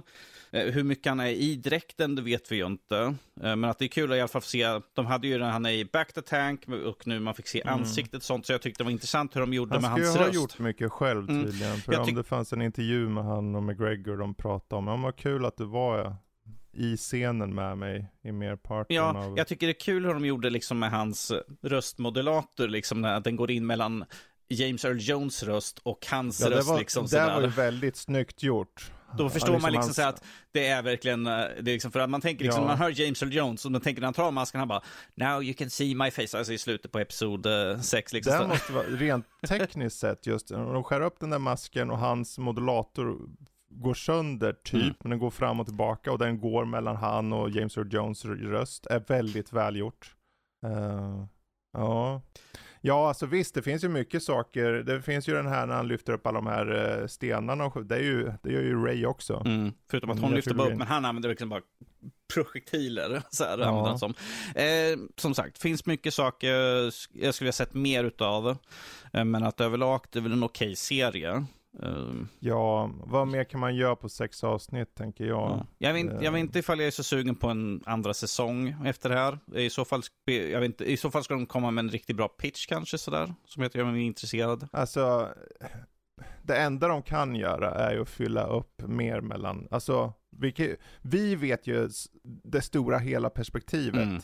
Men folk kommer vilja veta mer Darth Vader och Obi-Wan. Det är det, ju så. Det är ju också det jag har problem. Vi vet vad som kommer hända. Det gör att mycket av udden i serien, alla, alla andra karaktärer vet vi att den här kommer säkert dö, för vi har aldrig hört talas om den efteråt. Den här kommer säkert dö, den här mm. vet vi inte vad som händer. Uh, för att i slutändan, vi vet att han kommer dö i händerna på Darth Vader. Att han kommer hugga honom på mitten där i, i episod 4. Så att det finns egentligen inget, jag känner liksom att, mm. ah, ja nej, han är tillfångatagen, vad kommer hända? Jag vet att han kommer klara sig, att det tar lite bort ja, udden ja, men på det, det hela. Det är ju inte, det är ju inte, det är ju inte att hur de, eh, liksom vad de ska göra rent aktivt, det är ju hur dramat ska vara. För dramat är ju hatet han känner och just hur han försöker komma vidare. Um, för det, med en väl berättad berättelse tror jag definitivt finns saker att göra mer av här. Så det är ju mer en fråga om vem som skriver än vad de kan. För självklart kan man ju tänka, ja men allting blir dåligt om det blir om det är dåligt genomfört, för det är ju så, då är det ju uppenbarligen dåligt. Men jag tror definitivt det finns möjlighet att liksom forska mer i det här och sen det finns ju så mycket, vad de lägger upp här egentligen, att det finns mycket jedis som har gömt sig ute och vi vet ju egentligen utifrån eh, originaltrilogin att även då, om, om det var svårt att hitta, om det var svårt att hitta Yoda för, eh, vad heter det, Imperiet, om det var svårt att hitta Obi-Wan, ja uppenbarligen så är det ju svårt att hitta då. Så då borde det ju finnas fler. Mm. Det är bara att vi är så fast i de här gamla be beslutsamheten i att ja, men det måste vara som det var förr, för då visste vi inte bättre liksom. Jag tror definitivt man kan göra något, men jag håller med om att det, det var en, eh, det var en okej okay serie. Det, det känns uh, som att de lade allt krut på den här striden för att liksom höja upp lite grann från det kanske lite mediokra i typ mittenpartiet. Så liksom vi jagar efter, jagar Leia ganska mycket. Det kände jag liksom så här, okej, okay, mm. hon har blivit, hon, hon har blivit kidnappad igen, okej okay, fine. Ja, men han har räddat henne, nu kanske vi är klara med den, har något annat ah, nej, hon blir kidnappad igen. Det kändes liksom, jag bara okej, okay, fine. Hur många gånger ska hon bli kidnappad? Det känns som att ja, den här sista delen de... var en väldigt fanservig grej med en episk strid emellan två, där vi får, faktiskt får lite grann avslut på är ju, Striden är intressant där, för striden är ju en bråkdel egentligen. För det stora här är hur de knyter ihop det med Leia. För de sätter ju upp här hela hennes bakgrund på ett väldigt fint sätt. Och till och med att han går in på, jag kände till för hon var ju så här, är du min pappa? frågar mm. hon i tidigare avsnitt. För hon vet ju inte. Nej. Och det är det, hon söker ju, liksom, hon vill ju veta. Och han avslutar ju där med att i alla fall ge lite information. Så att hon får den där closuren. Och den closuren gör att hon blir mer resolut. För hon ändrar ju, från första avsnittet blir hon, hon får ju betjänare som klär upp henne. Mm. Hon själv fixar biffen, trots att hon är bara 10 bast eller vad fan hon är för något. Eller ska föreställa. Så det finns ju mer i avslutningen som de knyter ihop som jag tyckte var bra. Men uh, ja, jag tror vi kan hoppa vidare. Det, jag ska avsluta med Umbrella Academy säsong 3. Har ni sett Umbrella Academy någon gång eller? No, jag vet vad det är för någonting men jag, jag har bara inte kommit runt till det. Det här är nog en av de mest konstiga serier som finns. eh, det är ju en slags pastischgrej på superhjältar. Men de är, ja, väldigt, väldigt märkliga. För det är så här, eh, det finns en Academy, jag ska dra hela premissen först då, för det här är ju såklart tredje säsongen. Men eh, du har en slags Academy där du har en superstrikt eh, ledare eller pappa. Han tar och adopterar mängder av barn. Och gemensamma nämnaren för barnen är att de föds vid exakt samma tidpunkt allihopa. Och alla har någon form av förmåga. Men det kanske inte är förmågor som är riktigt bra. En kan se spöken, man kan inte göra så mycket med det. En är superstark, men tyvärr ser han ut som en gorilla också, nästan halvt, som halvt. Uh, en kan göra tidsresehopp, men inte för höga. Och han, är en, han, har, han har levt så länge, så han är en ung kille i kroppen. Men han är egentligen snorgammal, så han går runt med en liten fedora och så här jättelillgammal. Extremt lillgammal. Mm. Och så en flamboyant snubbe som är så här uh, jätteknasig, en som kastar knivar och sånt. En fråga uh, bara. Ja. Är det någon av dem som känner hat? ja, alla är så här väldigt anti varandra. Okay. De är väldigt mycket mer anti den här, så inom situationstecken pappan då, mm. spelade Col Colm Fiori heter han. Han har varit med i en gäng olika eh, filmer. Man, man är sån där, man känner igen när man ser den. Man han, är en, han är en så kallad that guy. that guy, mm. ja precis. Mm. Uh, men för varje säsong så blir de tvungna att rädda världen från apokalyps. Ah, tusan. Som de själva typ uh, har startat. Mm -hmm. I förra säsongen var de tvungna att åka tillbaka till 60-talet och växte upp ett helt liv och det var de som låg bakom ma massor med saker och ting och, de försökte rädda biffen. Och nu i tredje säsongen kommer de tillbaka till nutid och vad händer nu? Jo, tro fan att det inte är apokalyps igen och de sitter där och fan måste vi vara där tredje gången? Det är inte, hur kan det vara så här? Men när de kommer hem igen från 60-talet som var säsong två så finns det en ny Academy med helt andra ungar för de när de åkte tillbaka till 60-talet så träffade de av misstag den här pappan och han tyckte inte om dem, han tyckte de var skitdåliga. Så han, när han, ja tiden gick så gjorde han en ny Academy som heter Sparrow Academy. Så när de kommer till framtiden så är de inte hans barn längre, han bara vilka är ni? Mm. Ja just ja, det är de där jävlarna, jag såg er någon gång för 30 år sedan. Eller 40, 50 eller vad han är. Mm. Och på den vägen är det, bara att de kommer dit blir en paradox. För det blir så här grandfather paradox. Mm. Hur kan vi vara här om inte han fick oss till barn?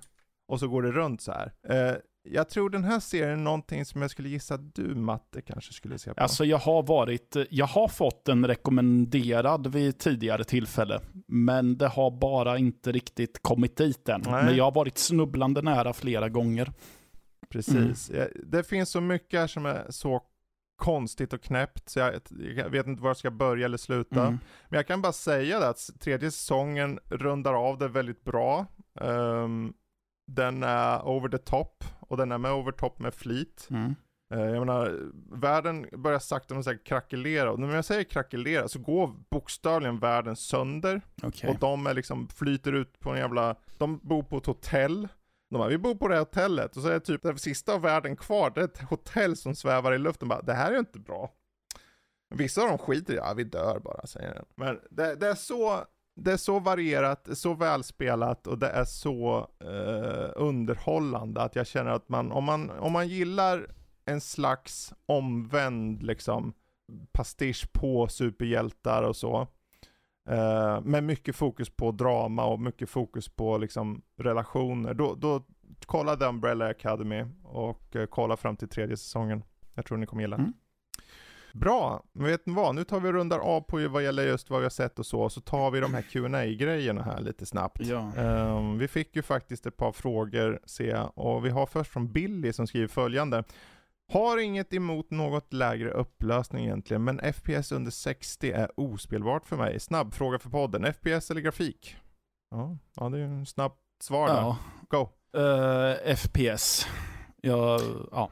Grafik. Mm. Mm. Ja, det är FPS för mig. Ja. Um... Jag, jag, jag, kan uh, rationalisera. Uh, jag spelar Xbox generellt alla spel på de gamla Xboxen har varit 30 FPS. Så jag är, det, jag är van att spela det så att jag tar hellre att det ser snyggt ut. För att på konsolerna så har det alltid varit 30 FPS så jag är van liksom att det går i den takt det går. Mm. Så att utseendet spelar mer roll för mig där. Ja. Och det där är ju lite så här, du, du är ju van med Precis, det. det jag menar, det är därför jag föredrar i så fall grafik över FPS. Det är men ju nu när jag recenserar skärmar och sånt 60. där och nu har en ja. bättre konsoler, men att ifall jag, generellt... Jag tror, jag tror det är en tidsfråga. Ja det är en tidsfråga. För när du har fått 60 FPS på, på Series X där i flera år mm. och sen så halverar det och det blir så här choppy. Det blir, det, det blir för idag, att starta upp mina gamla konsoler vet Om vi säger så här, idag finns det ingen ursäkt. Det är där. Jag tror det är så här, om du gör ett nytt spel idag och du gör det i 30 så är det så här, varför gör du så? Snarare. Jag har 36 och en halv FPS vill jag ha. Du kan ju ha, du kan ha snygg grafik och 60 FPS. Mm. Så det finns ingen anledning. Men absolut, uh, vi hoppar vidare till John han har två frågor. Mm. Vilken skurk! Uh, Nej då. Vilken en? Ja. Känner ni att Xbox Series X och S ska komma igång med VR? Vilka kända Xbox-spel skulle må bra av spin-offs för VR? Har de ens något? Ja. Första frågan. Ska det komma igång med VR? Ja eller nej? Vad tycker ni? Ja, jag säger jag kan pudla lite och säga varför inte. Så, om ändå, om ändå Sony har sin, så varför ska de inte ha sin i så fall? Men det beror ju helt och hållet på vad de själva känner. Men jag säger, varför inte? Jag, jag funderar mest då på vilket sätt då, för ex, eh, de primärt då bara för konsolen i så fall. Och då kommer den ju slåss mot eh, Sony som redan har ett försprång där. Eh, jag skulle då i så fall säga att de kör inom hela Xbox-ekosystemet eh, i så fall, då kan man ha på PC eller konsol, vilket som. Ha, en, ha en, eh, ett headset som funkar för båda kanske. Men det här är specifikt då för konsol. Jag säger så nej varför då? Vi har redan Sony som har det och på PC så har vi massvis med andra som redan dominerar marknaden. Och jag tycker att de mm. istället ska satsa på det som de gör bäst istället för att försöka komma in på ett nytt medium de, egentligen. De tog in, de påbörjade med AR där Precis. Istället. Eh, vad gäller just andra frågan då, vilka kända Xbox-spel skulle må bra av en spin-offs för VR? Har de ens något?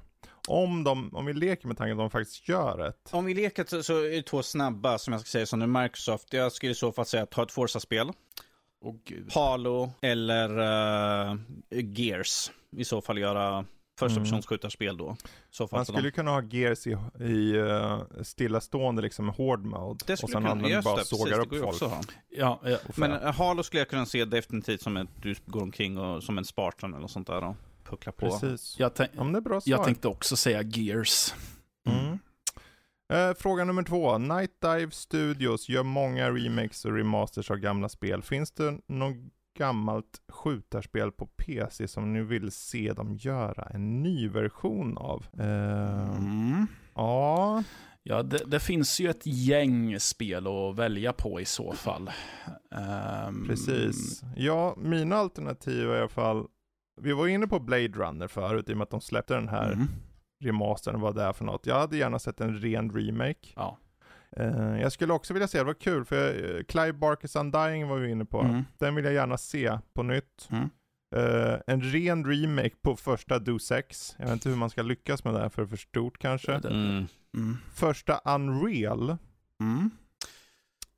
Jag har och för mig att den nämndes för inte så länge sedan om att de ville göra någonting med Ja, Unreal-spelarna. det, känns som, det känns som något. Det, vi pratade om det förra veckan tror jag, men då tror jag att det bara var ett rykte om att det eventuellt skulle Ja. komma. Mm. Mm. Precis. Mm. Och sen slutligen skulle jag gärna vilja se No One Lives Forever. Ja, verkligen. Eh, jag kan skriva under på No One Lives Forever. Det är väl inte ens tillgängligt direkt nu för tiden? Eller finns det släppt digitalt någonstans? Du, det vet jag inte. Nej, jag för mig om att det är ett sånt här eh, spel som är lite, det går typ inte Är det Monolith? Då är det kanske, är det Warner Bros? Ja, kanske. Mm. Mm. Ja. Jag, jag, jag kom på ett spel sådär nu, nu du läste upp frågan innan sådär bara för att, Mm. och det var, det är Skynet, alltså Terminator Skynet, ett gammalt uh, Ja. DOS-spel. Eh, visst, vi fick ju det här nya Terminator-spel, men jag skulle vilja se Skynet göras på nytt för att det kom ut 97 eller något sånt där, tror jag det var. Någon gång på 90-talet. Eh, 96 till och med. Eh, jag skulle väldigt gärna vilja se dem göra en, en ny take på det. Eftersom vi har ju redan nu att de har redan gjort en uh, ny Terminator-spel, så vi har ju redan någonting att bygga på där, så att säga. Att se liksom, vad gjorde de för någonting med det här spelet och hur kan man typ göra Skynet som en modern, i modern tappning sådär. Alltså om vi säger så här, jag skulle gärna se typ, eh, som senaste Duke Nukem-spelet var en liksom cluster, beep, beep, beep, beep, beep, beep, beep. Eh, jag tänkte säga högre än så, så skulle jag gärna se att de typ tar första Duke Nukem och gör om uh, i en ny motor, en helt ny tappning. Alltså ta spelet nya modeller, helt nytt uppbyggt sådär. Det skulle vara rätt coolt. Och faktiskt Mm. få ett, ett, ett, ett Duke Nukem jag vill köra. Absolut. Ja. Ja, nej men där, där har du lite, ja, ja. lite svar på tal. Ja, jag sa ju bara att jag skrev under på din eh, No Nej, One vad har Lives du för något? Forever. vad, har du mer då? Ja, jag, jag tog ett som heter Star Wars Jedi Knight Dark Forces 2. det vore coolt. Så, nej men eh, Ja. det, det var ju lite Ja, så. jag såg den också, Mm. men jag tänkte, ja, hur fan ska de få komma över Ja, den? ingen aning faktiskt. Det, det, det är väl just det, hur troligt det är. Men jag tycker att det skulle varit coolt för, alltså det var ju, Absolut. jag vill minnas att det ändå var ganska stilbildande tillsammans med första Dark Forces på ett sätt. Att Mm. de ändå har influerat FPS-genren typ. Men, eh, och just det här eftersom att det är en blandning mellan lite 3D-action och eh, FPS med. Så. Mm. Precis. Ja. ja, men det är bra svar. Mm. Ehm, och vi kan ju ta det så att vi hoppar till veckans Discord-fråga, för den är ju lite angående det här då. Uh, Night Dive Studios. Vilket klassiskt 90-talsspel skulle du vilja se Night Dive göra en remake på? Där kommer vi ha som en uh, fråga på Discord den här veckan. Um, jag tror det blir lite kul. Sen ska vi bara komma på vad tusan det finns för spel utöver de vi redan har sagt då såklart. Uh, men eh, det finns säkerligen både ett och annat. Um, bra.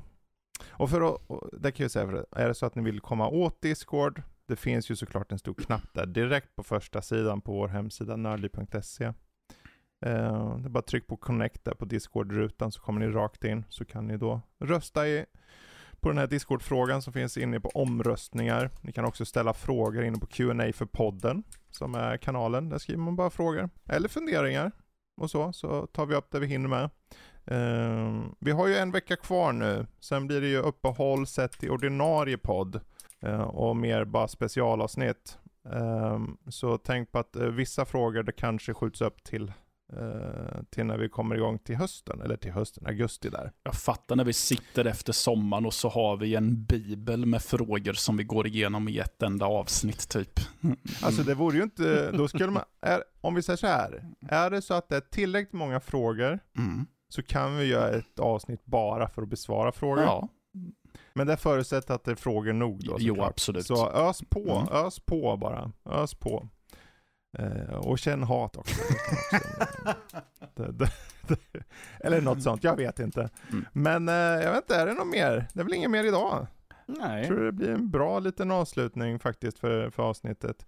Så eh, jag tackar Danny och jag tackar Matte för att ni har haft eh, tid och plats i livet. Jag har alltid tid för dig Fredrik. Eh, så, så hörs vi igen nästa vecka så får ni väl säga hej då.